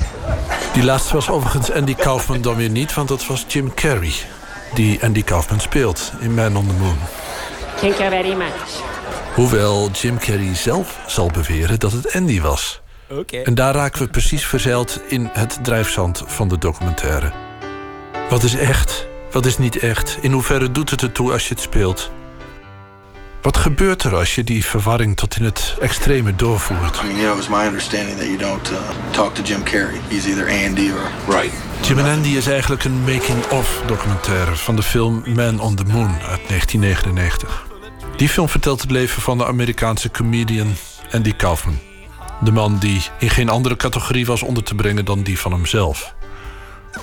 Jim Carrey speelde de rol van Kaufman en hij voerde die rol zo ver door dat het regisseur Milos Forman, de medacteurs, de hele crew eigenlijk al gauw duidelijk werd: we hebben hier niet te maken met Jim Carrey. Dit is Andy Kaufman zelf. Een staaltje van buitengewoon ver doorgevoerde method acting. Waartoe Jim Carrey, zoals hij aan het begin van de documentaire uitlegt, de opdracht heeft gekregen van Andy Kaufman zelf. That's the moment when Andy Kaufman showed up, tapped me on the shoulder and said, "Sit down. I'll be doing my movie." What what happened afterwards was out of my control. Ook als de camera niet draaide, ook in de visagiewagen, ook buiten de set, ook bij het eten. Overal. I don't like it. Okay. Huh? I want I want to do one more. Okay, let's do one more. So bizarre. Okay. Uh, It's really great. He's exactly the way Andy was.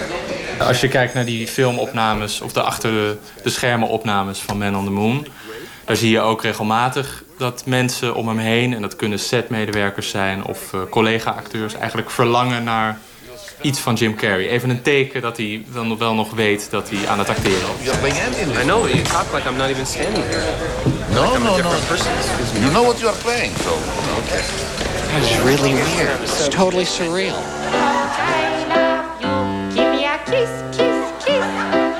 Thomas Heerman van Vos zag Man on the Moon toen hij een kind was. Nu hij twintig jaar later, eenmaal schrijver geworden, kijkt naar de documentaire Jim en Andy, zet het hem aan het denken niet alleen over Jim Carrey, maar ook. In zekere zin voelde die, deze documentaire voor mij als een soort ja, extreme toestand van iets wat denk ik heel veel schrijvers en acteurs en misschien ook wel schilders, kunstenaars kennen. Namelijk je proberen in te leven en je echt inleveren, inleven. Pardon. Nou, inleveren. Ik vind het wel een goede verspreking, want Jim Carrey die leverde zich in.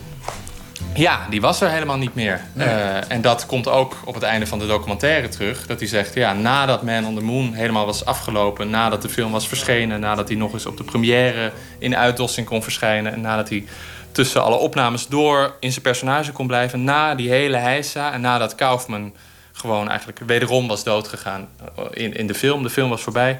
Ja, toen was hij weer Jim Carrey. En toen werd hij ineens weer geconfronteerd met al zijn privéproblemen... en zijn somberte en zijn uh, opspelende zwartgalligheid. En die had hij, terwijl die Kaufman kon zijn, helemaal weg kunnen stoppen. Want toen was hij een paar maanden, of ik weet niet hoe lang het was, maar ik denk een paar maanden, eigenlijk ja, dag en nacht Kaufman. Een groot voordeel van uh, met acten. En, en, daar komt dat verdwijnen ook alweer duidelijk in tot uiting. Hij was helemaal zijn personage geworden. Hoe hij daar nu op terugkijkt, is dat hij zo kon verdwijnen in die rol. En de beelden lijken dat wel erg te ondersteunen dat hij zelf even niet meer bestond. En dat, dat lijkt, als je nu naar die documentaire kijkt... en dat kan ik me ook voorstellen, wel een soort ultieme gelukzaligheid. All we really yearn for is our own absence. After all, you know? We yearn for what happens at death. Oh, I don't have to worry about that anymore. Is Major Tom to ground control.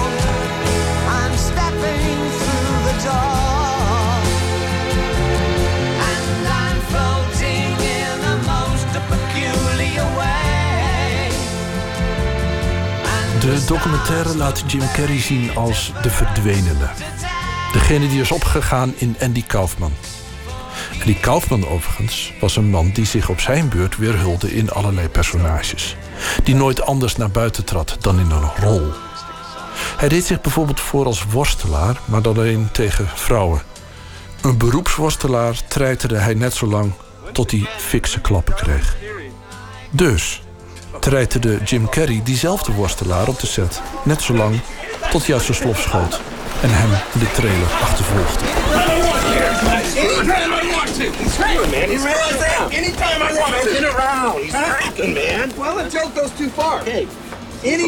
Ja, en in hoeverre Jim Carrey daadwerkelijk scènes nadoet van Kaufman... en in hoeverre die gewoon heeft gedacht, treiteren, dat is wat ik moet doen... dat was, werd mij eerlijk gezegd helemaal niet duidelijk.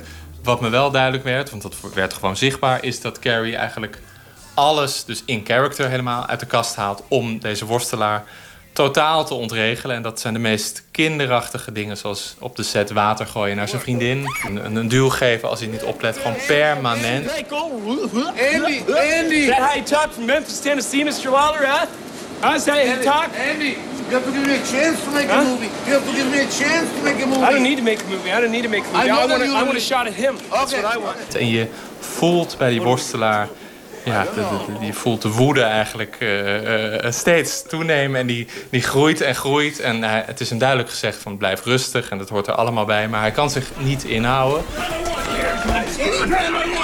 Familieleden van Kaufman die de set bezochten, sloot hem in de armen alsof Jim hun echte zoon of broer was.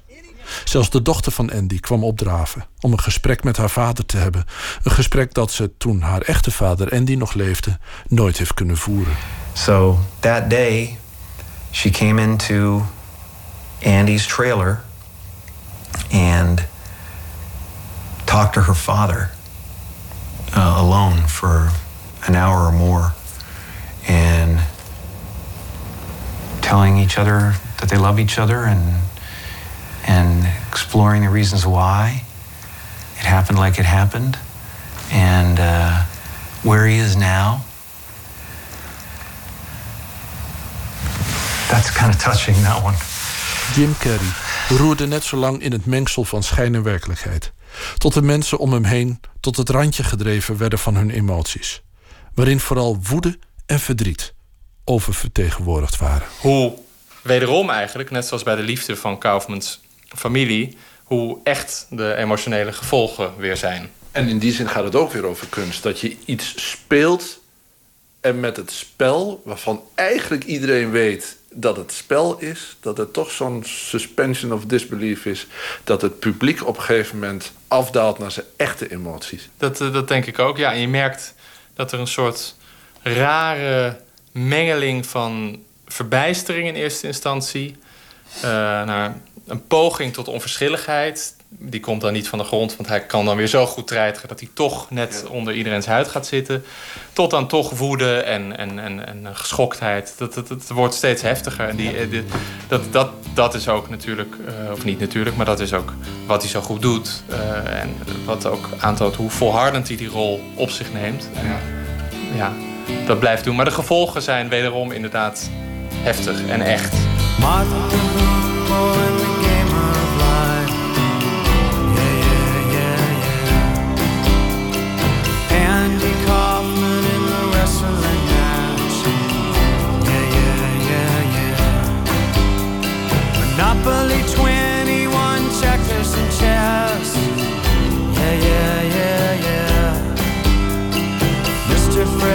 classy in a breakfast mess. Yeah, yeah, yeah, yeah. Let's play Twister.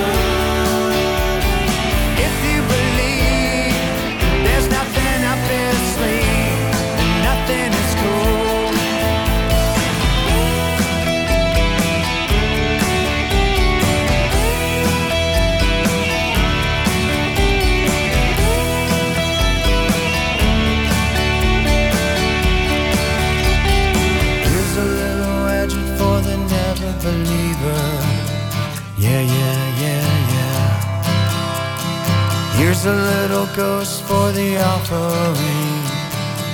Yeah, yeah, yeah, yeah. Here's a truck stop instead of St. Peter's.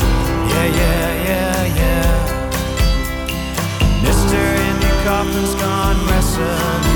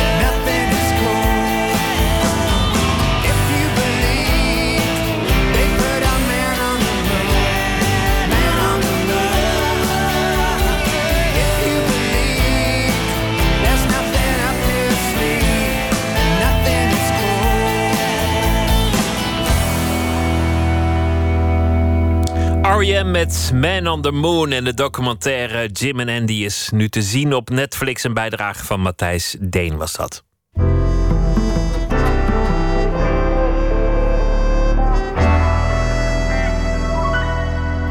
De rubriek heet Open Kaart. 150 vragen over werk en leven. Vannacht niet één gast, maar twee gasten. Een duo, de Franse Eikel. Christian van Eikelenburg en Sanne Fransen. Dat werd al snel de Franse Eikel.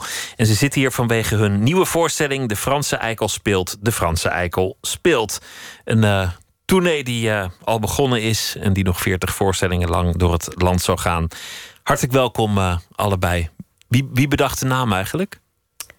Uh, Beetje samen Ja, die hebben eigenlijk. echt samen bedacht, Ja. volgens mij. We wilden iets, uh, iets leuks en iets geks. Ja. En um, dit is het, dit Dit is het geworden.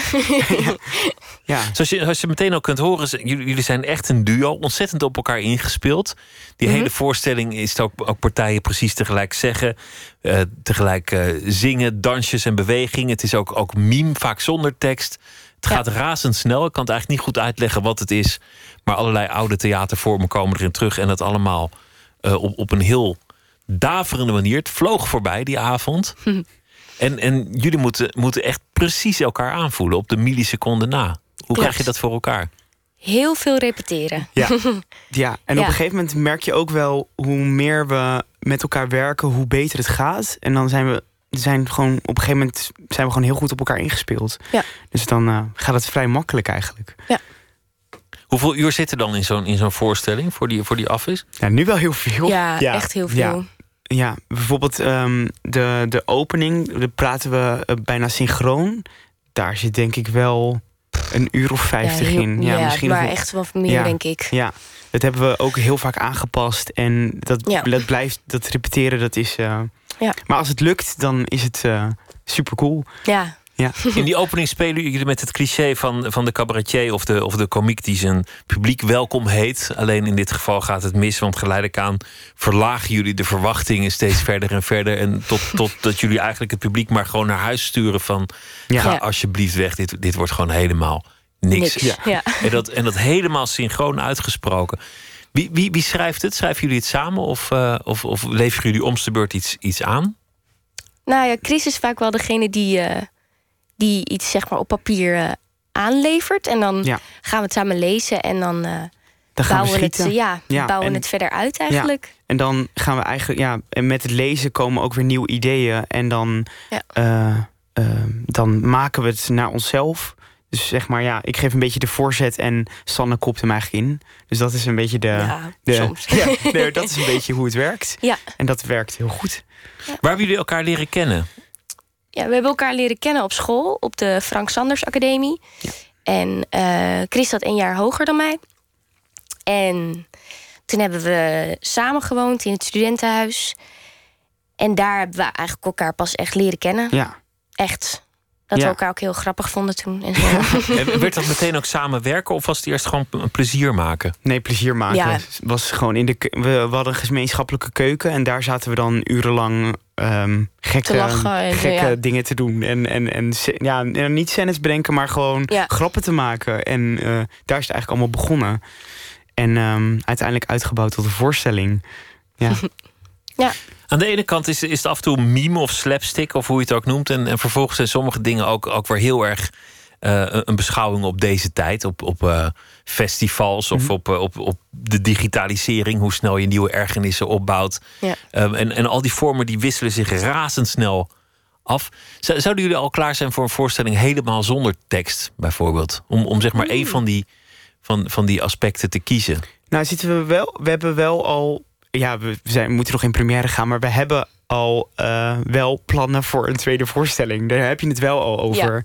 En daar ja, zijn we, willen we wel nog meer eh, deuren opentrekken die we nog nu nog zeg maar gesloten houden. Dus een, een, een voorstelling zonder tekst zou, zou ik fantastisch vinden. Zou heel goed kunnen. Ja. maar goed ik noem maar iets Ja. hoor, want, want jullie, jullie bestrijken echt zoveel verschillende vormen van, eh, van, van theater maken. Ja. Mhm.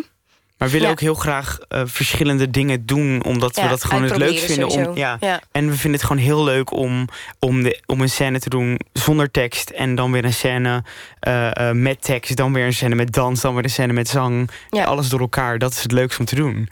En Ja. ja. Maar dat- wie weet, wie ja. weet dat dat ooit Het gaat lijkt, me, gebeuren. het lijkt me een tamelijk intensieve voorstelling om te spelen.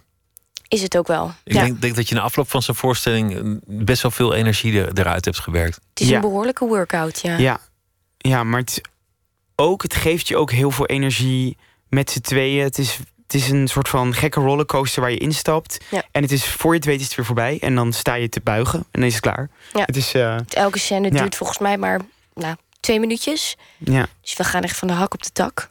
ja. En met heel veel, ja, er zit heel veel fysieke ja, beweging zit erin. ja je, hebt, je hebt ook geen, als speler volgens mij en ook als publiek heb je geen moment ehm, de tijd om, om je rust te pakken. En dat Ja. is eigenlijk wel lekker, vind ik. Daardoor gaat het gewoon allemaal in één stuk door. Ja, En, eh, en kan je misschien hopelijk op het eind pas nadenken over wat je eigenlijk gezien hebt. En, En het dan vliegt voorbij. Dan Ja. denk je, oh, was die voorstelling alweer voorbij? En dan kijk je op je horloge. En dan, en dan eh, is het voorbij. Ja. dan was, het, was het inderdaad de afgesproken 20 tijd. Ehm, dit is voor mij ook nieuw. Twee mensen in, in dezelfde rubriek. Ik, stel voor dat we om de beurt een kaart eh, trekken... en dan kijken of we jullie eh, leren kennen. En dan, eh, Sanne, wil jij beginnen? Zeker. Ik moet gewoon eh, Ja. ergens eentje pakken. Welke beslissing zou je het liefst terugdraaien?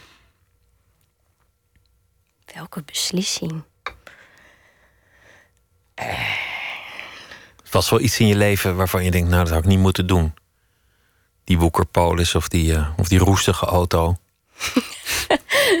Jeetje, wat, ik vind hem lastig hoor. Ehm, ja. Misschien toch die avond dat ik ging stappen niet zoveel had moeten drinken die avond of zo. ik weet het niet. Maar dat is het soort spijt dat weer overwaait. Dat, dat vergeet je weer. Zo- Ja. Zo'n kater, dan denk je, oh wat vreselijk. En tenzij wanneer er hele gênante dingen zijn gebeurd... die Ja. het internet halen, waait dat wel weer over. Ja.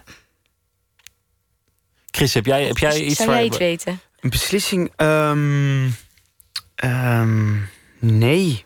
Ach, ik ben overal best wel tevreden mee. Nee, ik zit even te denken. Nee, ja, welke beslissing zou je het liefst terugdraaien? Nou, niet een hele grote beslissing, eigenlijk. Nee. Chris, wil jij de volgende kaart Ja, trekken? tuurlijk. We proberen er nog een. Ja.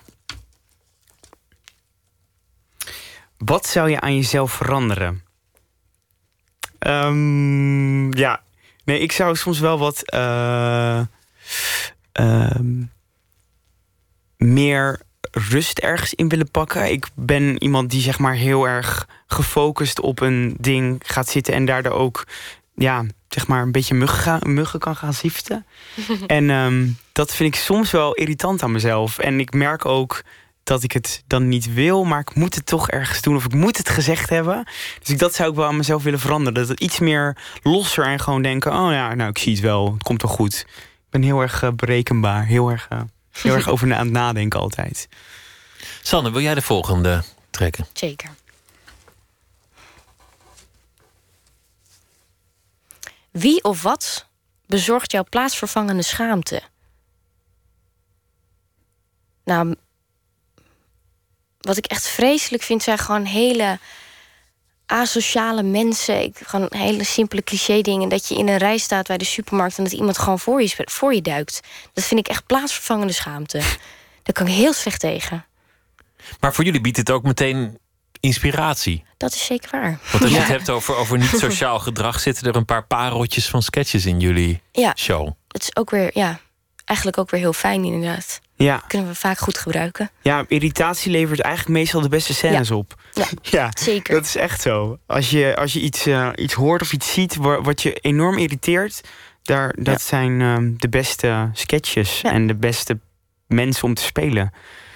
Zoals iemand die, die, zijn, eh, die zijn vriendin opdraagt om even drank te gaan halen op een festival waar het heel ver lopen is door een enorme menigte. Mhm. En als ze dan eindelijk met zo'n sixpack aankomt, terwijl ze eerst muntjes moest halen en Mhm. dan die sixpack en al de geld is op, dan opnemen en zeggen: Oh, ik ben al lang weer thuis. Ja, Ja. die mensen. Ja, Die- die bestaan. Die, die bestaan. Die bestaan Ze dus, bestaan ja. echt, ja.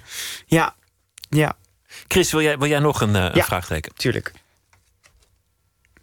Wie is je grote voorbeeld? Sanne. Sanne natuurlijk. Even denken, wie is mijn grote voorbeeld? Ja, ik, ik heb één iemand als ik die zie, moet ik altijd lachen. Dat is Arjan Edeveen. Wat hij ook doet, ik vind, ik vind het fantastisch. Het maakt niet uit wat hij speelt. Of het in 30 minuten is, of het is op toneel. Ik vind alles leuk wat hij doet. Dus dat is wel, denk ik, wel een groot voorbeeld. Ja, vooral als het om werk gaat, dan... En voor, voor jou, Sanne? Tineke Schouten. nee. Chris. Ehm, ja. Ik vind, ja, ik- wie ik echt fantastisch vind is Barbara Streisand. Oh ja? ja. Ja. Maar of ze dan een groot voorbeeld is, ja. Ja, ik vind die vrouw wel echt fantastisch in wat ze doet. Ze- Zeker in de concerten. Ja, Ik haar heel goed. Is natuurlijk ook zo. Ja. En, en naar wie kijken jullie samen? Want, want, want wat, wat ik net al probeerde te zeggen, er- zijn zoveel verschillende stijlen van theater die jullie gebruiken. Mhm. Is dat ook iets waar jullie je echt in verdiepen? Gaan jullie ook kijken naar, naar, naar slapstick of naar eh meme theater of dat soort dingen? Of, eh, Eigenlijk niet zo Eigenlijk niet heel zo- veel. nee. Zouden we wel weer meer moeten doen, denk ik. Ja. We Maar hebben, is- we hebben wel heel vaak dat we ehm, de voorstelling van Prina en Bianca Bix. Dat, dat was voor mij, toen ik dat voor de eerste keer zag, dacht ik, dit wil ik ook. Ja, dat vond ik ook, echt ja. fantastisch. En daar quoten we, zelfs als we aan het repeteren zijn, quoten we daar nog eh, eh, eh, ja, zinnen uit. Omdat het, ik vind dat zo'n fantastische voorstelling, hoe Dat in elkaar loopt. En ehm, ja. En dat is ook zo'n super duo. ja, eigenlijk wel, ja. Ja, Waar, waar de, de som meer is dan de delen. ja. ja. Klopt. heel inspirerend. En ook heel, ja, wat, je ook, wat ik heel goed van hem vind, is dat ze heel erg ook op elkaar ingespeeld zijn. Die, die spelen, die doen alles samen. Dat vind ik echt Ja. heel tof. Eigenlijk ook, ja. Wat jullie ook doen. Ja. Chris, trek nog een kaart Ja. als je wil. Wie of wat is de liefde van je leven? Ja, ja, dat is eh, op dit moment, nou ja, op dit moment, voor, ja, ik denk voor altijd is dat Thijs Maas. Mijn eh, vriend. En eh, die is er nu ook bij, dus dat is een hele leuke, Oh. ja, een hele leuke jongen. Ja. En Sanne, wie, wie is de liefde van jouw leven? Fons? Fons? Ja. Fons is er vandaag niet bij. Nee, die is er nu niet bij. Nee. Maar dat is wel eh, echt eh, de liefde van mijn leven, ja. Dat is fijn als je dat weet. Ja. Toch? Ja, hè? Heel Ja. fijn. Ja. Wil wil jij nog een, eh, nog een kaart trekken? Sanne? Zeker. Wat was een moment van triomf? Nou, nu is dat toen wij de publieksprijs op het Amsterdams Kleinkunstfestival wonnen. Dat was wel echt eh, een triomf. Ja, ja dat, is, dat is een hele grote triomf was zelfs. zo vet, was dat. Dat was echt, eh, ja, heel cool. Gewoon dat je, dat je, dat je, eh, dat je dan ineens denkt, niet dat het zou moeten zijn, maar dat je dan denkt van, oh, we kunnen echt iets, weet je? We hebben Mhm. echt iets goed gemaakt. Ja. Mensen hebben het gezien En en, het en publiek begrepen. heeft voor ons gekozen. Dat was zo, ja, Ja. echt heel vet. En Chris, jij won al eerder een prijs, namelijk de, de, de Jos Brink Stimuleringsaward. Of, Ja, Sanne heeft die ook gewonnen dus. Maar Oh. een, eh, een, een jaar na mij. Dus we hebben... Het is zeg maar een, eh, een, penning. prijs, een penning. En het is voor een ehm, afstuderende student... eh, eh, met een, eh, een uitzonderlijk talent, noemen ze het. En ehm, ik heb hem in 2013 gewonnen en Sanne in 2014. En dat is ook, heeft ook een beetje, ja, het schept ook een soort van band met elkaar. Ja. Omdat je met elkaar kan, over kan praten wat er dan precies gebeurd is. En Ja.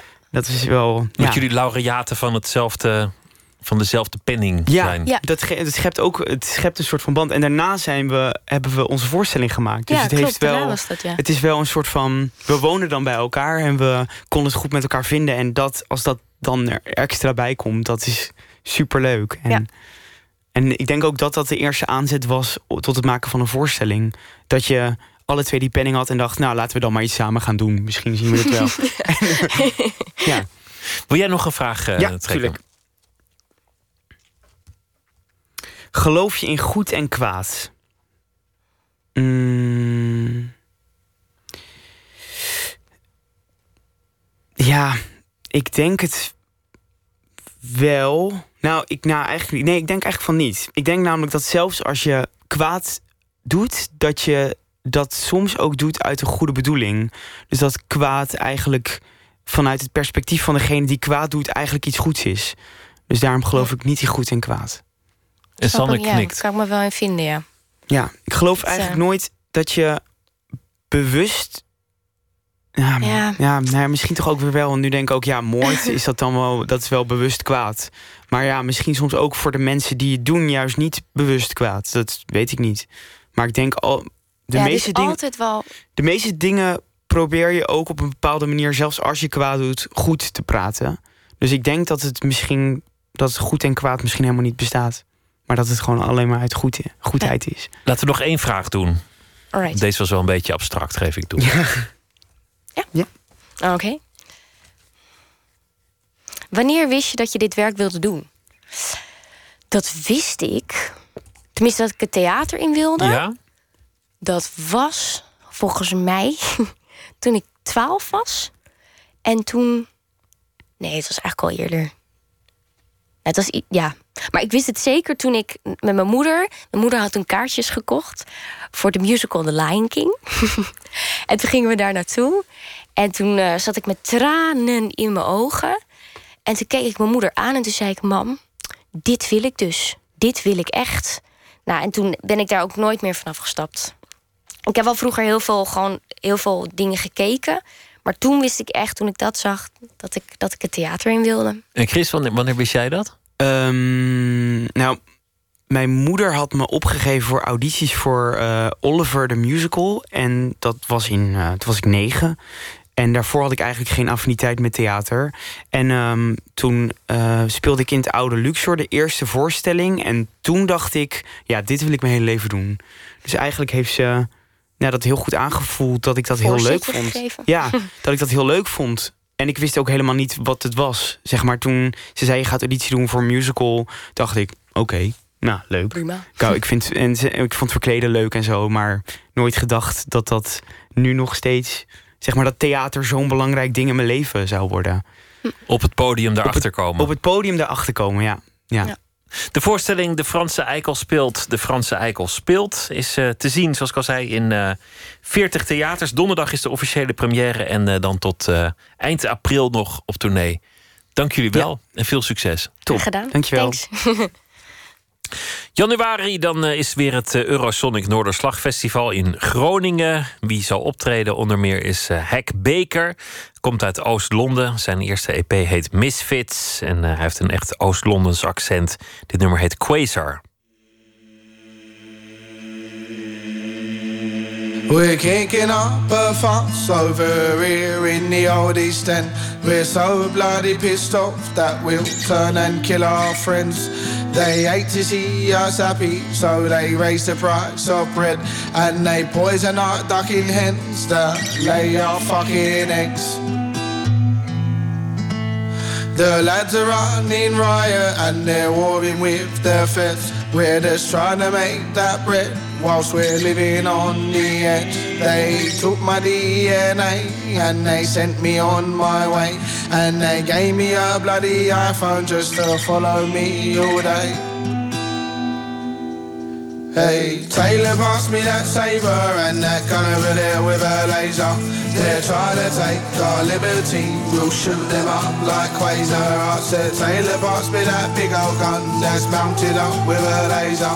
They're trying to take our liberty, we can't wait seconds later. They're coming out the cracks like ants with tasers and their straps. They're just trying to shake us up and run us down and give us wax. Bloody fats will call on martial law and have monsters on our streets.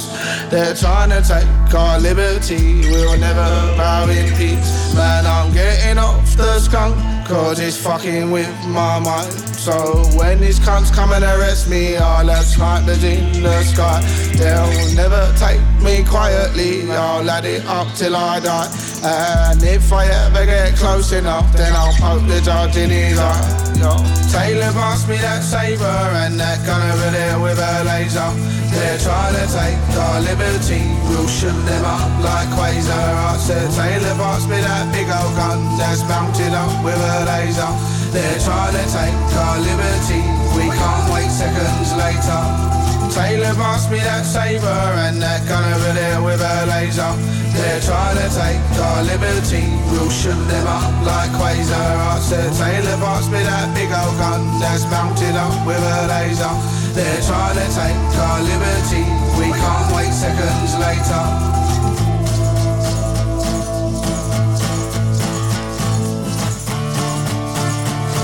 We'll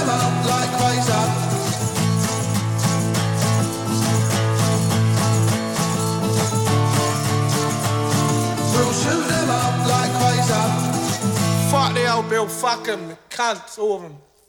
Quasar, kortom, van eh, de Britse zanger Hek Baker. Eén minuut gemaakt door Tjitske Musche. Deze heet Herman. Op de fiets naar huis werd ik opgebeld. Ik zat toen net in een heel erg liefdesverdrietperiode. En toen werd ik opgebeld en toen hoorde ik dus... met Herman van Veen. Ik ben meteen langs de kant gegaan. Ik denk, iemand heeft Herman van Veen voor mij ingeschakeld. En Herman van Veen zong dus gewoon op straat een liedje voor mij. Anne, prachtig. Nou echt, ik was echt tranen in mijn ogen natuurlijk. Toen hoorde ik op een gegeven moment gegiegel op de achtergrond bij de telefoon. Nou, echt een rotstreek natuurlijk. Teleurstelling was echt... Ik denk niet dat ze zich gerealiseerd hebben dat ik echt heel verdrietig erom was. Dat ik echt, dat, dat, dat ik echt zo jammer vond dat het hem niet echt was. En ik snap het ook niet. Ik snap gewoon niet mensen iemands anders passie afkraken. Ik denk echt, en dat is serieus... Ik heb dat ook, ook gewoon tegen mijn familie gezegd. Van, nou ja, mocht ik in coma raken... Zet maar gewoon een cassette van Herman van Veen aan en ik ontwaak wel weer. Het is zoiets. eh, kom gewoon tot leven bij die man.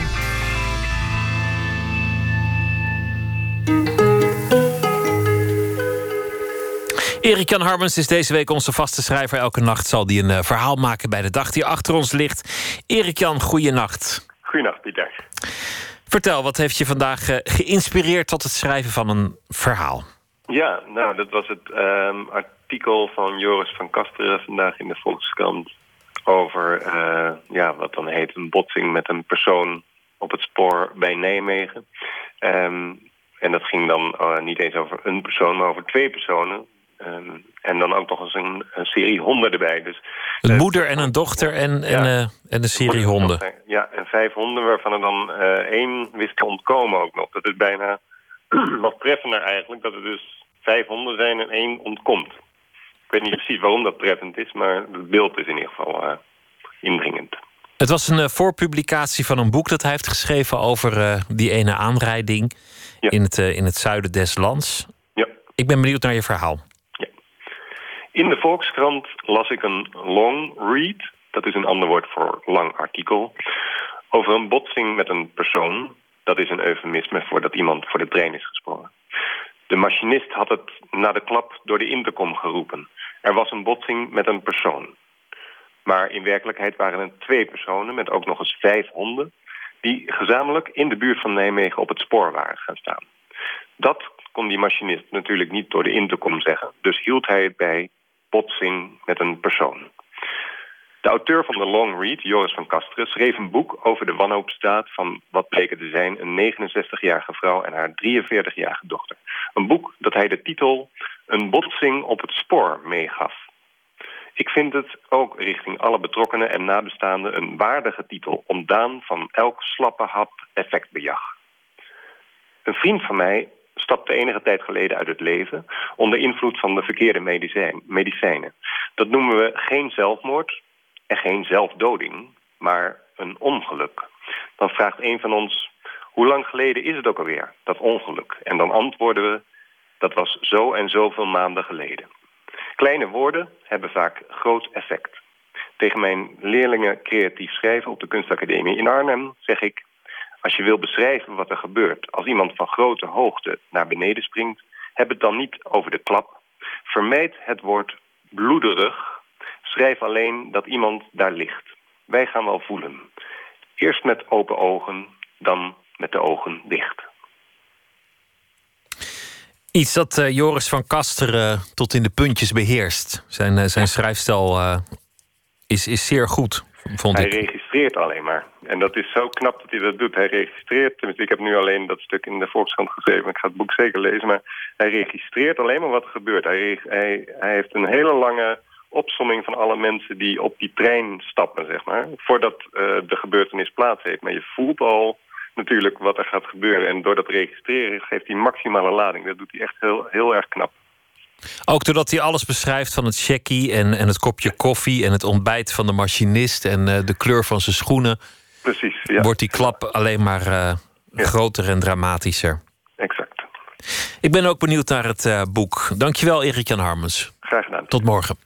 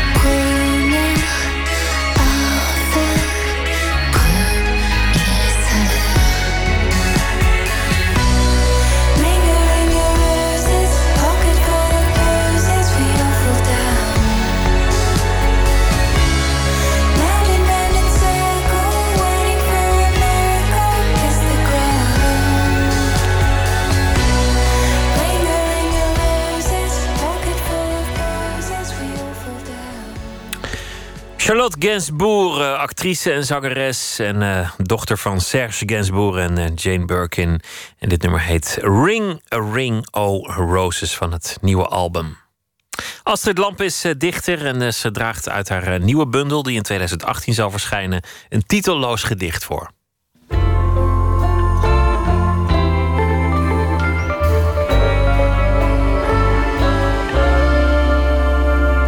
De levensverhalen van geknakte bloemen zijn in de bonus.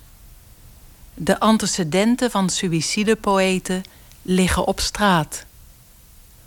Hoeveel roem, hoeveel bij elkaar verzonnen levens wil je sterven?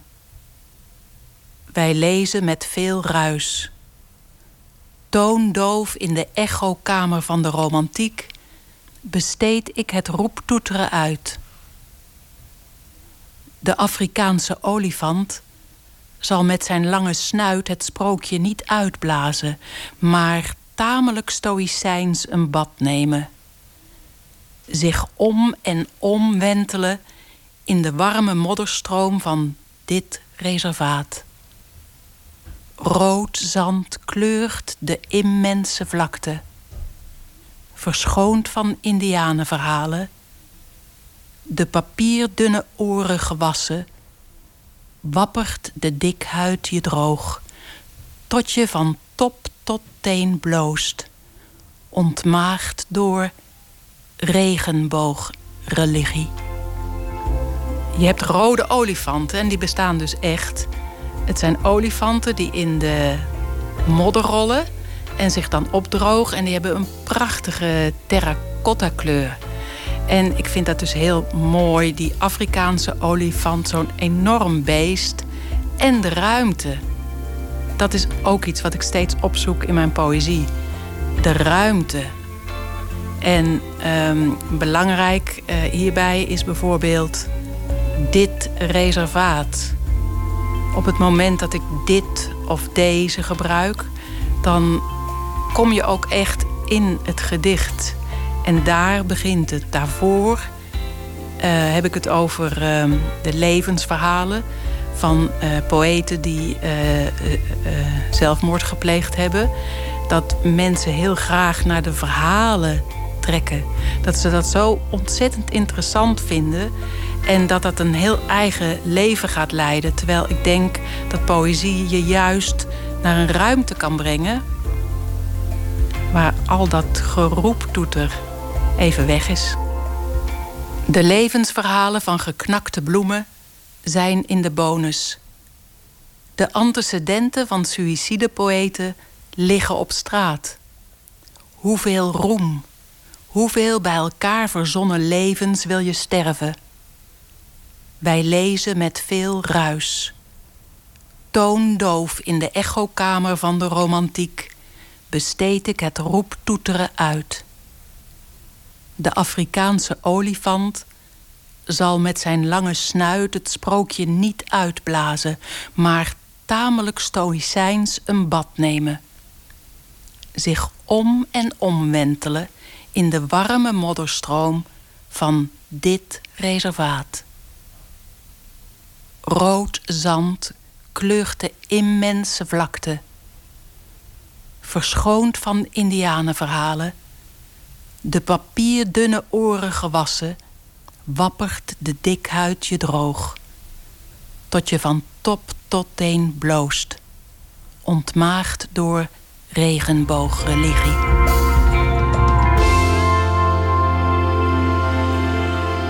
Een gedicht van uh, dichter Astrid Lampen was dat. Morgen komt Jacqueline Govaert op bezoek. Ze heeft een nieuw album. Brak uh, al heel jong door met uh, Cressip, een rockband met een enorme hit. I Would Stay. En haar nieuwe album is opgenomen in Los Angeles met Mitchell Froome, bekend producer. En ze blikt ook terug op die tijd met Cressip. Hoe was het eigenlijk om zo jong al zoveel succes te hebben? Dat morgen in Nooit meer slapen. En voor nu een hele goede nacht. En plezier met Omroep WNL zometeen.